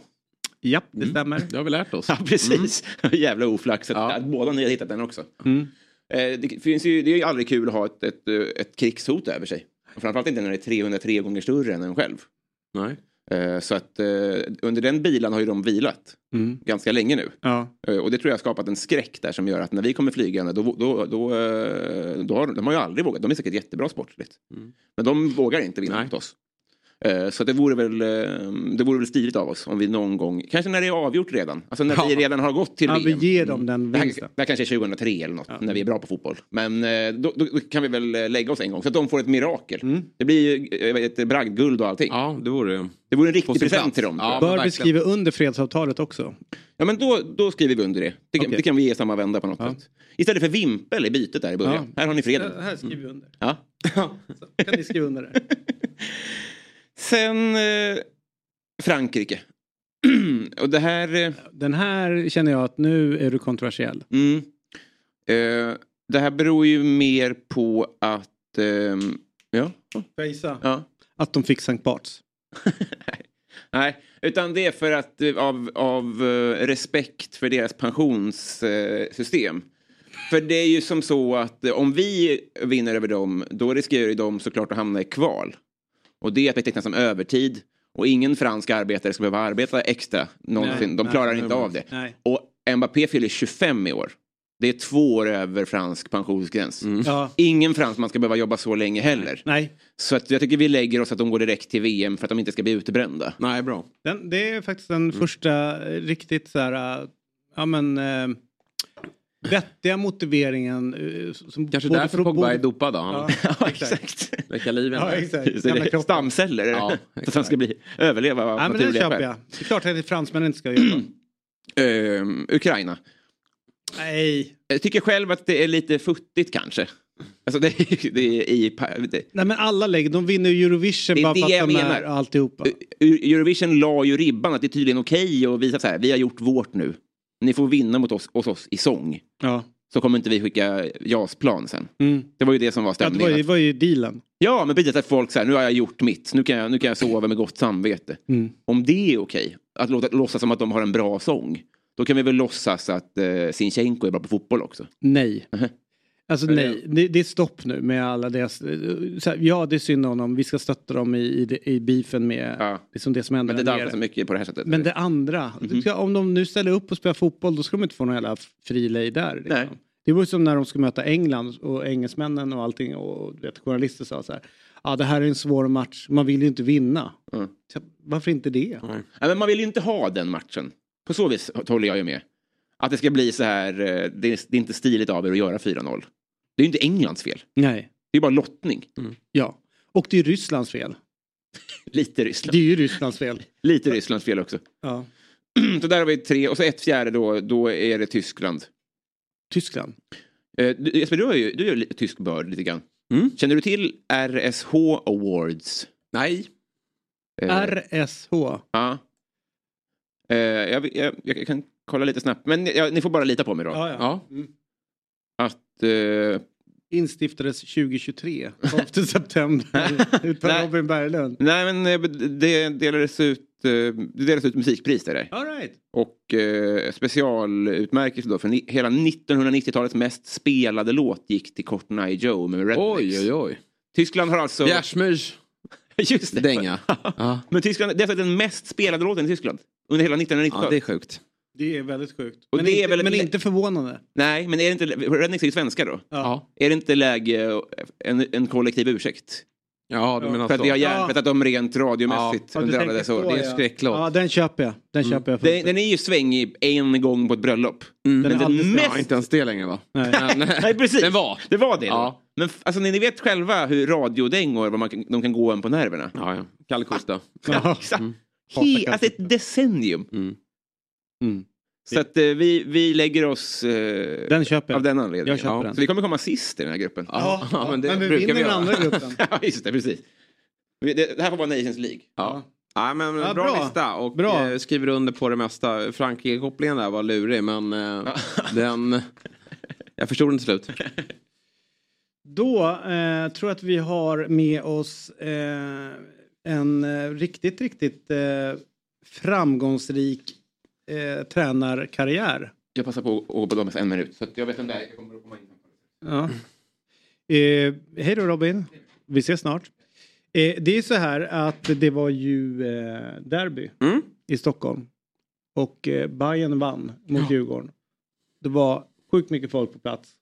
Och eh, som alltid när Bayern vinner eh, så är det eh, Pablo Pinones Arce som är tränare. Mm. Som coachar laget. Och nu har vi med honom för att prata om eh, ehm, Derbysegern, 1-0 blev det mot Djurgården eh, i båda matcherna. Och vi säger god morgon, hjärtligt välkommen till Fotbollsmorgon. Pablo, Pablo Pinones Arce, hur står det till med dig?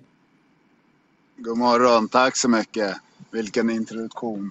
Nej, eh, det är bra med mig tack. Lite, lite morgonstress så här eh, i trafiken här i Stockholm men eh, eh, jag har hunnit lämna av eh, barnen och så så att, eh, jag var i tid.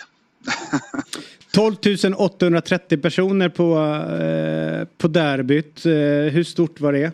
Fantastiskt. Det är otroligt stort och det riktigt stora i det här att det är ju att det är bara Hammarbyare tänkte jag säga.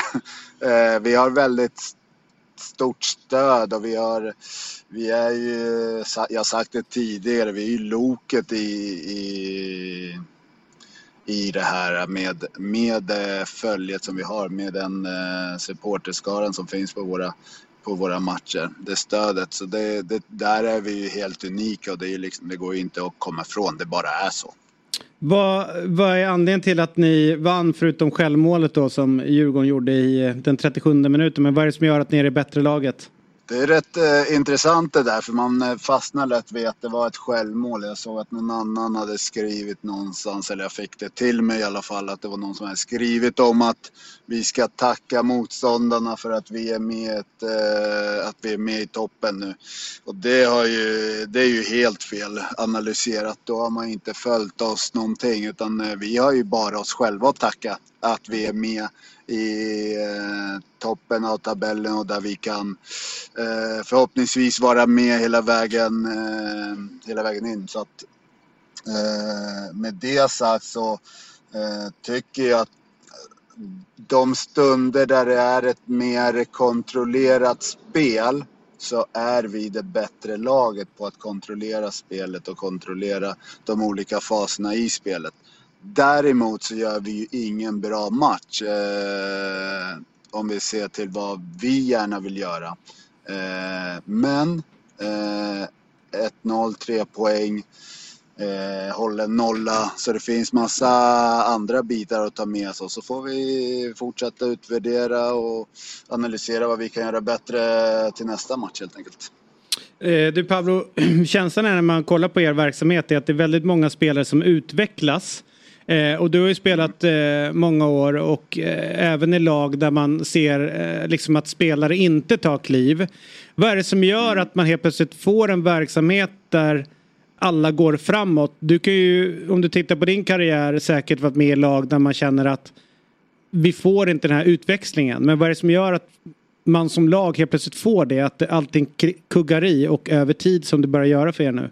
Dels eh, har vi identifierat väldigt talangfulla och, duktiga fotbollsspelare eh, som är eh, väldigt lojala till det vi vill göra. Jag kan liksom inte annat än att verkligen hylla våra spelare och deras inställning och vad de gör. Sen så är det ju så att vi behöver ju förutsättningar för att lyckas. Och den, den miljön vi har eh, lyckats skapa med rätt typ av spel som jag tror utvecklar laget men också individen allra bäst eh, har vi med oss också. Och eh, ja, klubbens stöd också. Så att vi, vi vet ju vad vi eh, vad vi gör, hur vi vill göra och har jobbat efter den här planen väldigt eh, noggrant. Eh, och det gäller ju allt från spelare till eh, förutsättningar runt omkring till eh, faciliteterna de vi har. Det handlar om att allt ska ju hänga med eh, i det eh, och förhoppningsvis så eh, ser vi att eh, akademin tar ju steg hela tiden. Den del i det här eh, att fortsätta utveckla klubben och få fram egna spelare också. Så att det är många bitar som ska med och där eh, har vi lyckats få med alla. Eh, sen är det ju såklart eh, en, en fotboll som jag tror på som, som är väldigt eh, utvecklande. Ni hade ju flera spelare iväg på mästerskapet här eh, nere i Australien och Nya Zeeland. Var det problematiskt att ni tappade spelare i gruppen eller har det boostat laget med tanke på hur bra det gick för dem? Jag kan aldrig se det som problematiskt att man har spelare iväg på olika landslag, olika mästerskap eller eh, landslagssamlingar eller vad, vad det nu kan vara. Utan det ser jag som eh, enbart positivt. Det är klart man får en boost eh, utav det. Eh, personligen tycker, känner jag en otrolig stolthet över att, att kunna ha så pass många landslagsaktuella spelare hela tiden. Så att det tyder på, som ni var inne på, en väldigt bra verksamhet hos oss. Skiljer tre poäng mellan er och Häcken och Linköping en poäng efter och sen så Piteå på en fjärde plats på 40 poäng då. Häcken leder på 46. Ehm, om du börjar blicka då mot eh, slutet eh, utav säsongen och era chanser att ta det här guldet. Hur, hur är känslan? Jag funkar ju inte riktigt sådär. Jo, Pablo, det gör du. Jag Kom igen nu. ju, nej, jag är inte i närheten av att vara där borta. Jag, vi är fortfarande i fasen. Idag har vi faktiskt en ledig dag och jag åker in och ska jobba med, med just eh, jobba lite mer med, med derbyt och, och se vad, alltså, hur, hur kom vi in till derbyt? Vad hände veckan innan och de bitarna. Sen, jag måste få stänga den här matchen. Sen så har vi eh, Kalmar borta på lördag och det, det är mer fokus på dem. Eh, när vi väl kommer till de här matcherna som alla andra, gärna media, pratar om eh, ska vara så stora och svåra och allt möjligt hur, hur det byggs upp. Men alltså, det kan vi ta då. Jag, är inte, jag, jag lovar, jag är inte där. Eh, Jag jobbar inte så, har inte gjort. Eh, och kommer nog aldrig göra. Jag fattar. Jag kan eh, däremot säga att eh, garanterat att ni vinner mot, Kal- mot Kalmar på lördag. Jag vill bara flagga för den. Sen, eh, sen blir det säkert lite svårare Det längre kan fram. bli en jäkla, nu, vill väl, nu tänker inte Pablo på den matchen men söndagen den 15 november då, då är det ju Hammarby-Häcken. Eh, Kanske då på Tele2 Arena eftersom det var där man spelade cupfinalen och att det förväntas vara mycket folk. Ja, det, det kan ehm. bli en riktigt häftig match. Ja, men så långt ska vi inte tänka nu. Nej, vi kan göra det, men Pablo gör det. Pablo får inte göra det. Nej, exakt. Ni får gärna tänka hur mycket ni vill. Det är väl ert jobb att spekulera och bygga upp och allt möjligt. Vi, vi, vi har lite olika jobb. Ja, jo, ja, så är det ju. Du, vad härligt att ha, ha dig med eh, denna tisdag morgon. Eh, om du är snäll så får du gärna hälsa till Oskar från mig. Det var länge sedan jag såg honom. Det ska jag göra definitivt. Han blir Ja. säkert superglad av det. Ja, ha det gott. Ta det lugnt. Tack så mycket. Ha det bra. Ha det bra. Hej. Yes. Hej. Hej.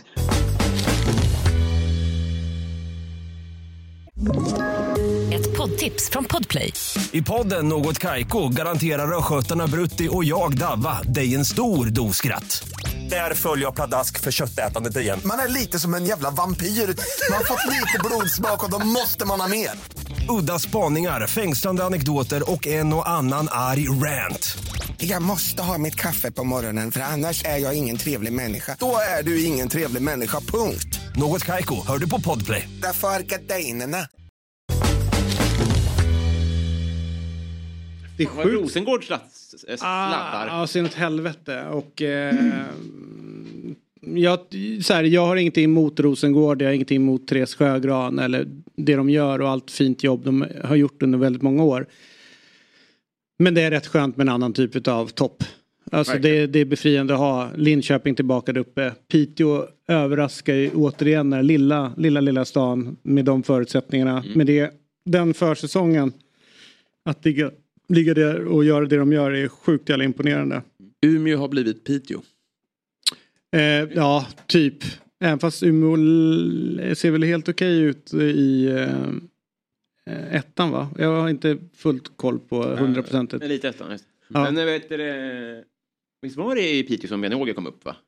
Vad sa du? Ja, det var det. Det var där man ja. hör upp. Hör Ja, Jan-Åge. Kom från Piteå från början. Så det är coolt. Alright. Eh, eh, vi ska, eh, visst är det så att din lista, du har inga fler listor idag, eller hur? Jo. Har du en till? Men jag kan spara den. Nej, nej, den vill jag ha nu. nu. Nu vill jag ha Robins lista. Äh, Då taggar vi till igen då. Ja, Nu är det dags! Fan, förr i tiden var vi taggade inför den här. Du var ju taggad som taggad. fan. Alltid Kom igen nu taggad. gäster. Det är, gäst, det är Jag är listan. spänd. Nu har jag ingen Ja. Jonathan Unge som eh, li- ligger framför och eh, höjer ribban, precis, höjer ribban för mig här. Nej. Eh, Det är, det, är en klassisk gottepåse idag. Jag tror vi kan behöva det nu i Ja. kvällen. Vi behöver eh, upp med mungiporna. Gusten var inne på intressant i, i Tutto också. Att vi måste som, som land skruva om den här inställning som vi har till olika saker. Vi måste välja glädjen. Ja. Den, kollektiva pess, pessimismen är sund på många sätt. Men det får inte slå över till att vi blir... Nu, nu väljer vi glädjen. Ja, vi kan inte bli ryssar. Nej, på alla sätt. Nej. Det finns olika typer av humor. Mm. Mm. Mm. Eller hur? Ja, man, absolut. man, man är olika. Ja. Jag har äh, råkat Du har Annette. Precis, Ja. eller klarinett. Ja, klarinett va? Fan vad kul det var. Ja, det var det var så tyst. Det var Ja, väldigt skönt. ja. Eh, det finns ju en typ av humor som heter synvillor. Va? Ja. Visuella, när någonting ser kul ut. Någonting ser, ser fel ut helt enkelt. Den här studion har ju erbjudit eh, en typ av synvillor som många har, eh, som många har eh, visat oss också.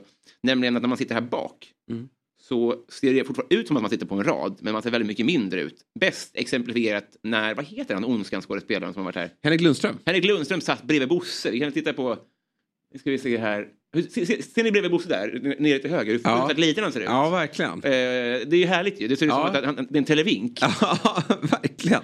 Så liten är inte Nej. Nej. Ondskan-skådespelaren och så stor är inte Bosse. Nej, kanske han kan söka den rollen då. Eh, Nils Karlsson Pyssling också. Eh, den lilla... Kan jag spela barn, barnroller också? Ja, verkligen. Det är jättebra. Mm. Ja, Men det, är, det är ju eh, jävla härligt när folk är, när det ser sjukt ut. Ja. Och det finns ju en liten, liten man i Dortmund som heter Adeyemi. Just ja. det. Ni känner till. Mm. Det är en, det är en liten kvick person. Han eh, har ett förhållande med den schweiziska rapparen eh, Loredana. Jaha. Och det kommer man ju ihåg för att det var ju Björn Borg. ex. Ja, precis. Men hon är tydligen stor då. Sara Larsson följer henne. Jag hade ingen aning om Nej. det. Men hon är tydligen eh, känd då. Men kort. Eh, jag, jag tror hon är normal. Mm. Och han är väl lite mindre för att vara kille. Men eh, eh, hon la upp en bild på dem. Kolla vilken jävla hand han har. Ja, jäklar. Den är enorm. Det är något med perspektivet som gör att han ser ut som en gorillaarm. Här. Ja. Men vem är, det som fot, vem är det som fotar? Ja, det... Det är hon. Men med vad? Ja, med hennes enorma ha- arm. Ja men det, så, men så måste den dra liksom en, en lov runt för att komma... Alltså, Hon är kanske också är, lite vanskap. men vet du vad som blir, eh, som jag har noterat, det är ju att när man ska ta selfie så är det bättre att ta med, eh, med den här sidan så istället för att vända så. För att... För att om du sätter på bild. 0,5 på den Ja. Och sen så eh, sträcker man ut och gör en Mm. sån här. Så ser ju, ja det kommer ingen fan. Så ser ju, ser min arm blir ju extremt lång. Ja. Det blir, då. Det blir en Och det är väl samma här Ja, jag tror att det kan vara en liknande grej här. Mm. Att det blir. Så är det nog. Nej, så groteskt ut. Hon borde ha klippt Ja. där i alla fall. Men vad har vi för ålder på de här två då? 23? Ja, ett- ett- 97 år kanske. Ja men då är de 26. Ja. Men vad då? Vem hade varit ihop med henne? Vad sa du? Vem hade varit Nej ihop de med två henne? är De är ihop. tillsammans. Ja, men det var någon som hade varit ihop med henne tidigare. Ja, nej, Nej. Björn Borgs hette också Loredana. Jaha, jag tänkte... Jävligt stökigt. Ja, jag jag trodde hon var väldigt gammal. Eh, Men såg inte ut så på bilden. Och... Du eh, trodde det var Björn Borgs Loredana som Ja, han var det tillsammans jag. med. Helvete vad ufo de här Björn Borg-reklamerna är nu när de, när de gör reklam för korv. Han hans Ja, nej, det är svagt. Varför har de ställt upp det? Måste vara en Ja. kompis-deal va? Snart får vi mygga av grabben också va? Jag tror också det. Ja, det Jag blir, har inte inget, sett någonting utav det det. blir inget där. Leo eller Robin Borg? Leo. Leo, Borg, ja. Men har Robin, vunnit- Robin är avmyggad. Ja. Men, men Leo har ju vunnit eh, på, på touren nu. Ja. Vadå? Skojtouren ja, inte ATP-touren. Jo, 225, eh, alltså 250, 250 eller om det var 125, eh, alltså det minsta, eh, vet, när... Var det ATP-touren verkligen? Ja, jag ska kolla. Skoj- Skojtouren tror jag. Ja. Jag tror det är. Mm. Eh, ja, men, Han har vunnit en match på den ja. Nej. det är inte mer än så. Ja. Ja, det var ju, som, det var ju eh, mästerskapssommar. Ja. Det härligt det var att- att leva i glädjen och att Mm. det alltid fanns hopp om att leva och sånt där. Det kommer det göra med herrarna också, herregud. Någon men, gång. Eh, men det hände en grej som jag aldrig har sett i fotbollen förut och som jag tycker tyder på eh, några saker. Dels vilken soft och, och snabb i hjärnan Nathalie Björn verkar vara. Ja. Och eh, så tycker jag det tyder på bådas... Eh, det, det är en skicklig aktion. Men det är också någonting man aldrig har sett förut. Och det tyder på humor och en härlig vänskap. Det, det är ingen jättegrej. Det är två sekunder. Men jag tycker vi bara kan få njuta på det, av det Ja. igen bara. Ja. Hon bara råkar fånga bollen bortom Nathalie Björns huvud. Ja. Ja, men det finns något där. Absolut, det är charmigt. Ja, tror ni att eh, Hien och Robinson hade valt kramen i det läget? Det skulle de kunna göra. Om, om de leder och det går bra. Du tror det? Ja. Vilken match var det? Var det mot... Ja, fan, jag hade glömt det. Kan vi back- se klippet igen? Då hinner vi kanske se det. Det är Australien. Australien är det. Mm. Så det är bronsmatchen. Och Ja. där är vi i ledning. Ja. Precis, det är ju lite som Ravellis. Ja, lite så. Ja. Mm. Det är en segergest. Ja. Man, man, eh, man kan verkligen ta sig tiden för det. Och det håller jag med om. Man ska inte göra det när man ligger under. Gillar du när Ravelli bara hade knä, knytnäven framför an, ansiktet sådär också? Jag har faktiskt svårt för ganska mycket med Ravellis. Eh, alltså så här i efterhand. Mm. Det var inte min typ av För den, på, för den påminner väldigt mycket om den här Swish, eh, Swish som var i tennis Smash. Swish. Han gjorde så. Okej, när han gjorde i Ja, straffläggningen. han gick så ja, här. ja, jag Ja. fattar. Okej. Du, Mm. och, och Smash var TV, tennis-tv-serie Ja. som gick där omkring. Ja, Men det- nej det gick några år innan. Ja. Ja, ja, ja. Det var ju sådär. Man gjorde ju alla att- så här, sist, För många, gjorde ju så. många, alltså, mig, jag upptäckte ju Ravelli i det mästerskapet på grund av min ålder. Jag tror att många i Sverige också gjorde det. Mm. Och då var, där var han ju charmig och bra. Sen finns det väl en historia som kanske inte är lika charmig då. Mm. Nej, han hade ju en vinnarskalle som var Ja. rätt stökig. Som tog sig uttryck på fel sätt. Men jag tror att jag som barn tyckte det också var kul med en clowngubbe. Ja, ja. Så, så här. Men så här i efterhand, jag, jag tror jag tyckte det var så kul idag. Nej, Nej men, nej men det var inte det som det man ska veta Gå hem hos också. barnen. Ja, precis. Det som var innan där var ju att innan det mästerskapet så var det ju stora krisrubriker runt målvaktsposten. Och att han var för svag. Som här då. Ja, Ja, visst. att han är för svag och vi kan inte gå långt med, med en sån målvakt och, och så vidare. Sen så får ju han sitt, sitt liksom genombrott där. Mm. Alltså att han, eh, inte genombrott men att han ändå tystar kritikerna.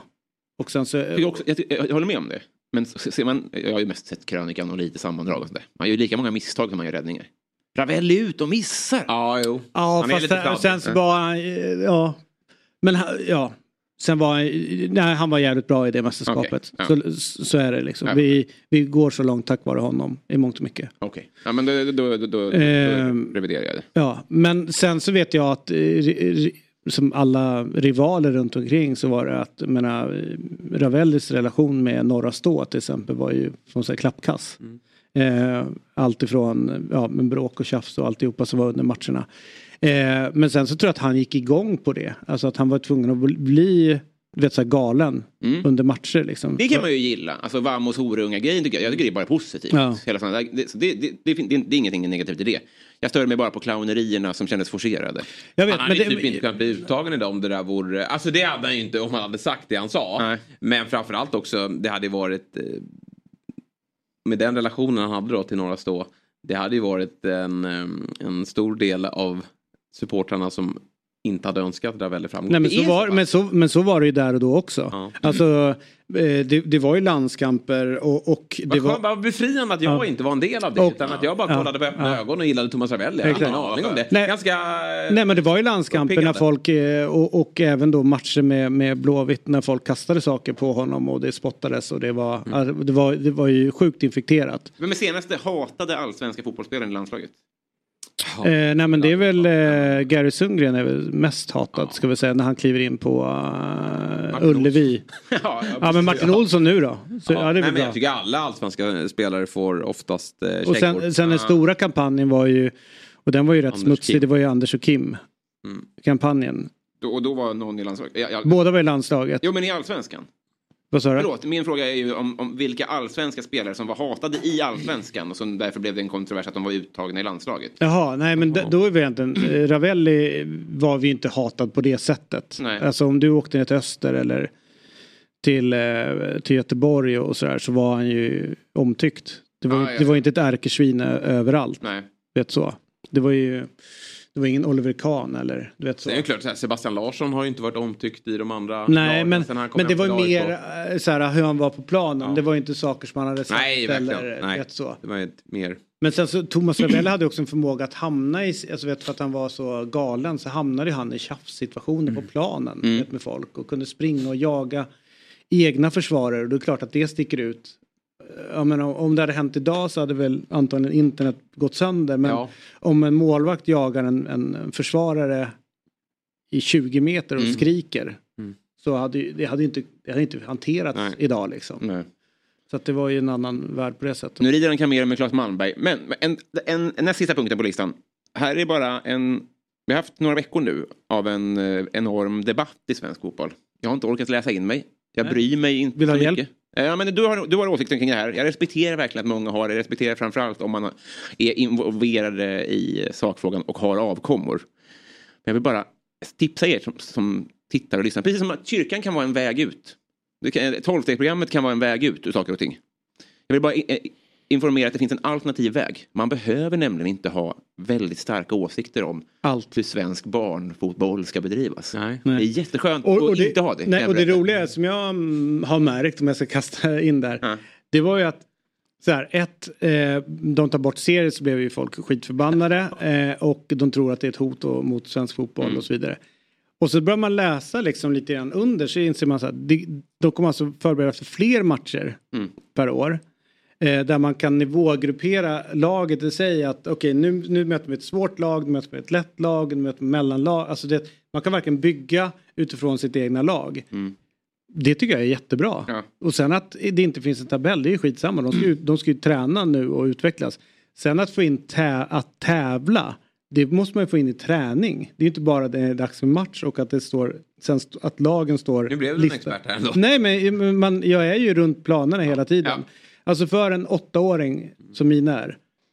De bryr sig inte alls om en jävla tabell. Utan det är ju, de måste ju lära sig att, att spela fotboll och tävla. Så att, att det inte finns det, det är ju bara, det är bara vuxna som stör sig på det. Och jag tror att hade jag haft en åsikt hade jag tyckt som du. Det låter rimligt. Men jag har valt att inte, jag skiter i det. Nej. Jag skiter Varför Men det ska- blir ju väldigt Jag ty- investera känslor i det. Jag är barn. Och jag fattar inte, om man inte har barn. Jag hade inte brytt mig för fem öre. Men folk tror där ute, tror jag, att här förväntas man ha en åsikt. För det kommer med hela åsiktspaketet med 51%-regeln, med VAR, med pyro. och Ja, ja, ja, det- Ska man tycka någonting om att det tävlas för barn? Skit i det! Skit i det. Ja. Och de täv- Folk jobbar med att lösa det här. De har säkert tänkt igenom det. Nej, och, och det blir liksom ett, ett fel att så här, okej vi tar bort tabell, då blir det ingen tävling. Fast det är inte det det handlar om. Det finns, det är liksom, det är ju, alltså att om, om Fred är ute och spelar, du måste förstå honom att han ska först till den hela bollen. Det är en tävling i varje situation. Alltså att man kommer in i det. Och sen att de ska ha kul. Alltså, vet så, det är ju så man utvecklas i allt.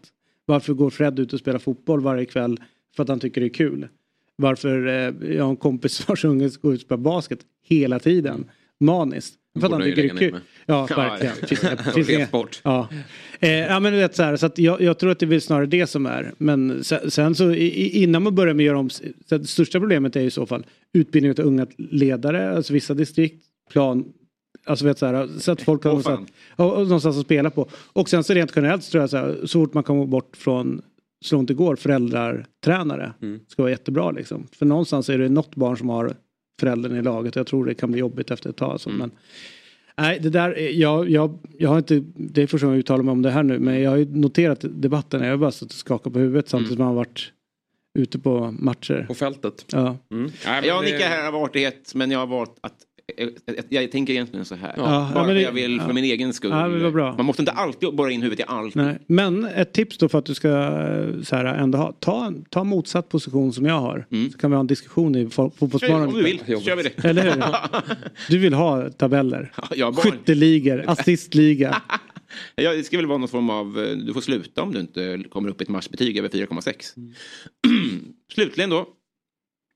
Eh, det är ju skönt, ja, min, tjej sa, har jag sagt det? En gång sa min tjej på fyllan så här. Jag tror att jag inte gillar dig. Det, det var nu senast. Det var Ja, okej. nästan ännu värre. Det har vi inte riktigt rätt ut. Det borde vi Ja, göra. ja. Hon sa bara, det bara slang ur henne. Fan, du, du dansar lite konstigt. och det var, hon menar ingenting. eh, Och att du alltid har gjort det då eller? Ja, ja hon, men hon menar verkligen inget. Men det, jag, jag kan inte röra mig sen dess. Det, det är ju väldigt svårt att slappna av. Det är ju Ja. kämpigt nog. Ja, sån kommentar kan ju bita. och hon ångrar ju det jättemycket. För det var Ja. inte, hon vill inte liksom förstöra mitt festliv. Men det har hon gjort. Det har hon gjort. Mm. Och det har gjort att eh, tröskeln till första dansen, den är ju alltid störst. Mm. Mellan andra och tredje är det ju nästan ingen alls. Liksom. Och sen så är det ju ett, en horisontell inlärningskurva. Men den har gjort det svårare för mig. Men därför så tycker jag att vi ska uppskatta när det kommer saker som gör att man kan slappna av i andra änden. Mm. Att det finns en eh, sorglig, sorglig, lång polsk man som inte lyssnar på sin tjej. Nej. Och som bara dansar för att han tycker att det är kul. Nykter. Lewandowski? Ja. ja. Det är sant. Får se. Han gör det jättemycket. Mm. Ja, det är smärtsamt. Mm. Varför håller han på med sånt där? Han, han tycker det är jätteroligt. Ja, alltså det är ju, jag är kluven här. För det, dels så cringear ju satan. Men dels gör han det ju mindre pinsamt för sådana som mig att dansa. För han har ju lagt ribban här. Ja, han tycker att han är bra också. Ja, och han har det är något väldigt pappigt över honom. Ja. Eh, och i, även om någon skulle säga att det där är rätt takt. Det är precis så där moven ska gå till. Det skär sig i huvudet. Ja, verkligen. Han är jättestolt över det där. Ja. Det är, jag har sett han dansa väldigt många gånger. Jättemånga gånger. Eh, Och ehm, när han är så bra på något annat egentligen. Alltså, det, är, Ja. det är ju fotboll du ska hålla på med. Men, men han dansar ju aldrig vid mål va? Det har väl aldrig sett honom göra. Nej, det är faktiskt Men det, Det hedrar är honom. steg. Ja, men tyvärr. åt Bangura som var i eh, AIK och Elfsborg Mm. och Celtic. Han är också en dansare. En av AIKs största genom tiderna säger jag. Ja, det är Han inte jag. räddade klubben 2010. Ja. Eh, gjorde Alex Miller också då. Nej. Men, eh, Mohamed Bangura räddade AIK. eh, men han gillar också att dansa. Men han har ju liksom ett, eh, han har ett flow i, i dansandet. Han kan ju det här.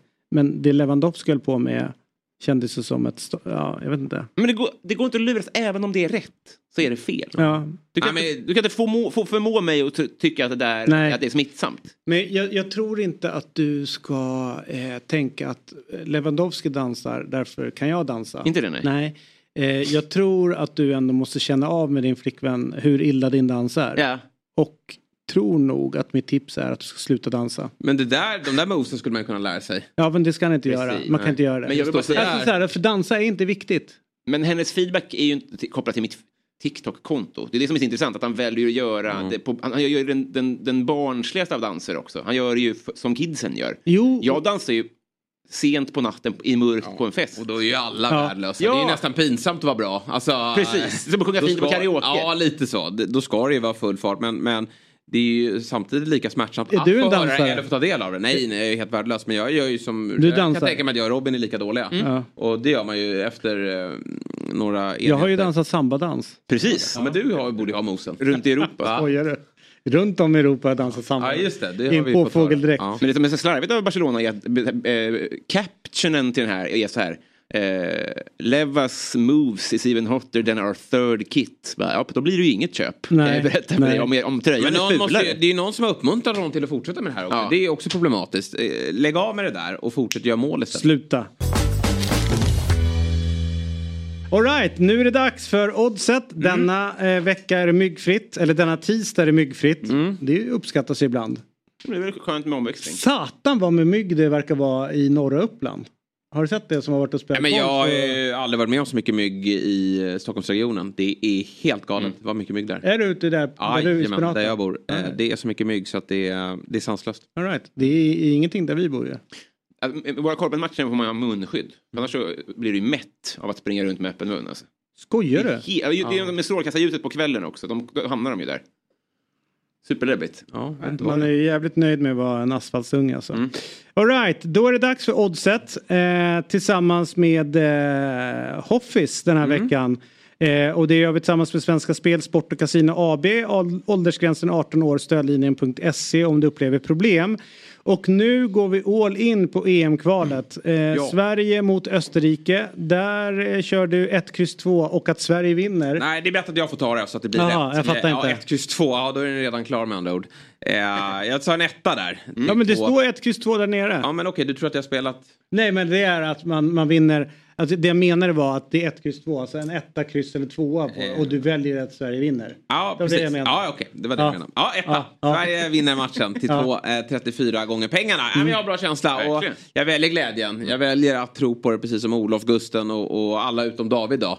Så, så är det att Sverige ska gå vinnande ur den här striden och att det lever ytterligare en, en samling till då. Såg bra ut i lördags, Österrike tydliga med lite, men det tyckte jag att man läste sist också om att det är lite, lite Ja. bråk i Ja, Österrike. De hade Då blir de problem. ännu Ja. bättre. Alltså det där landslaget, om de slåss i ett omklädningsrum, då mår de som bäst. så det, det är ett lag som går igång på att det är eh, bök och stök. Men vi vinner ändå.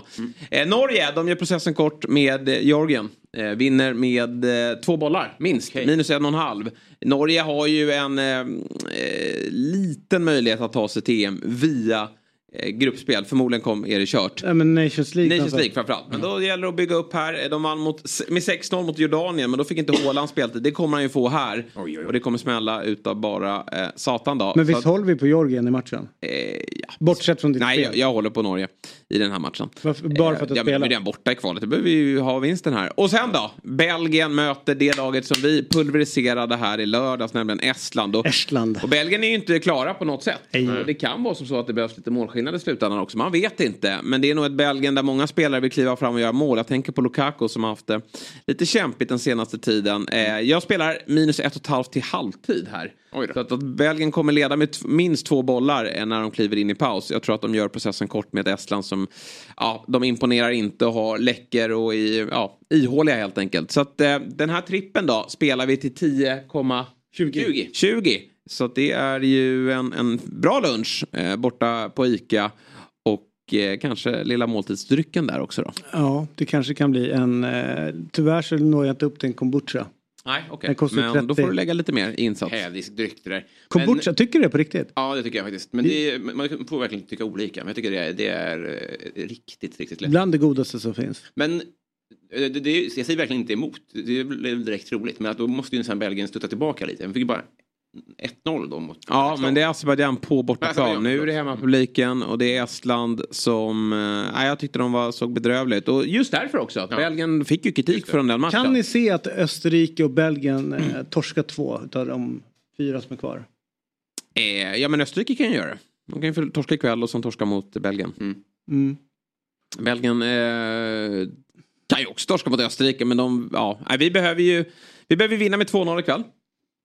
Helst. Eh, Och sen så, då skulle ett kryss kunna räcka nere i, i Bryssel om Belgien slår Österrike. Men Belgien har ju faktiskt en tuff uppgift. Att åka till Ernst Happel och, och, och ta tre poäng. Skulle det kunna vara så att det är Belgien som chokar och att vi, Ja. det är de som är större chans att ta sig Ja, förbi? men vi, vi kommer ju förmodligen behöva vinna. Men eh, åtminstone ta minst en pinne då i eh, Belgien. Och det blir ju svårt såklart. Men med tre pinnar ikväll så kommer vi kliva in i den samlingen. Och om man kollar på schemat, nästa samling då. Då har ju faktiskt Belgien Österrike på fredagen. Tuff match borta. Möter Sverige på måndagen. Sverige har en träningslandskamp. Så Sverige kommer komma utvilade eh, på ett annat sätt till den matchen. Och jag tycker att det är ett Belgien när de... Vi säger att de har haft en generationsväxling. En nödvändig sådan. Men det är också ett Belgien utan De Bruyne.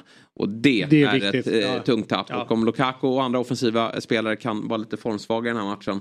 Trossard får inte den speltid han vill ha i, i, i Arsenal. Nej, jag, jag, jag väljer att, att tro på det här. Jag säger alltid det att mästerskapen är bara en bonus. Det är kvalen, det är där vi får nerven. Och jag vill ha nerv när vi åker ner till Bryssel där jag antar att matchen spelas i eh, oktober. Just det. Tack för det. Ja, det var jättebra. Eh, och eh, det blev ju imorgon också. 300 program har vi suttit här. Mm. Eh, lite tekniskt strul i början men eh, det klarade vi av att hantera också. Får man slänga in att Oddset är en produkt? Det har jag gjort. Har vi gjort det? Ja. Jajamän. Bra, bra, bra. Kan inte nog betonas. Men eh, också intressant att du inte lyssnar på vad jag säger. Men... ehm, Det var som när du pratade ungdomsfotboll där. Jag bara nickade Ja, för ja, av ja. artighetsspel. Mm, mm, jag fattar. Du, eh, hur känns det då 300 program in? Nej, det känns som att vi fortfarande är i startblocken. Ja, lite Går är bara fem, femsiffrigt går vi för. Bara början. Är det ju. Okej. Jag bara, vad är det? Hämta kulramen. Jag bara, 1000? Nej, 10 000? Ja. ja, nej men det är klart vi gör det. Eh, och imorgon när vi är tillbaka, då sitter jag här tillsammans med eh, Per Frykebrant och eh, Elsa Alm. Mm. Onsdagstrion. Ja, den stökiga. Den stökiga. Ja, det är bra. Fotbollsmorgonens kobra. Ja, det är verkligen det. Och framförallt så undrar man ju alltid vad Elsa har hittat på. För det finns ingen som lever ett sånt liv i sus och dus som hon gör. Satan vad mycket fester det är, matcher. Olika märkliga mästerskap. mästerskap. Två nya sen dess. Ja, eller hur? Det är ju gaffeltruck och så var det någon annan va? Mm, någon form av drinkmästerskap tror jag det har varit. Ja. Lever livet. Hon lever livet så det står härliga till. Men då är vi tillbaka. Och du är tillbaka på torsdag. Jag är tillbaka på fredag. Fredag och du på torsdag. Fredag. Fre- Ni kör fredagar jämt eller? Jajamän. Vad Nya kul. setupen. Ja, det är nya setupen. All right, vad spännande. Då får ni ha kul på fredag. Ska bli. Mhm. Hej då. Fotbollsmorgon presenteras i samarbete med Oddset. Betting online och i butik.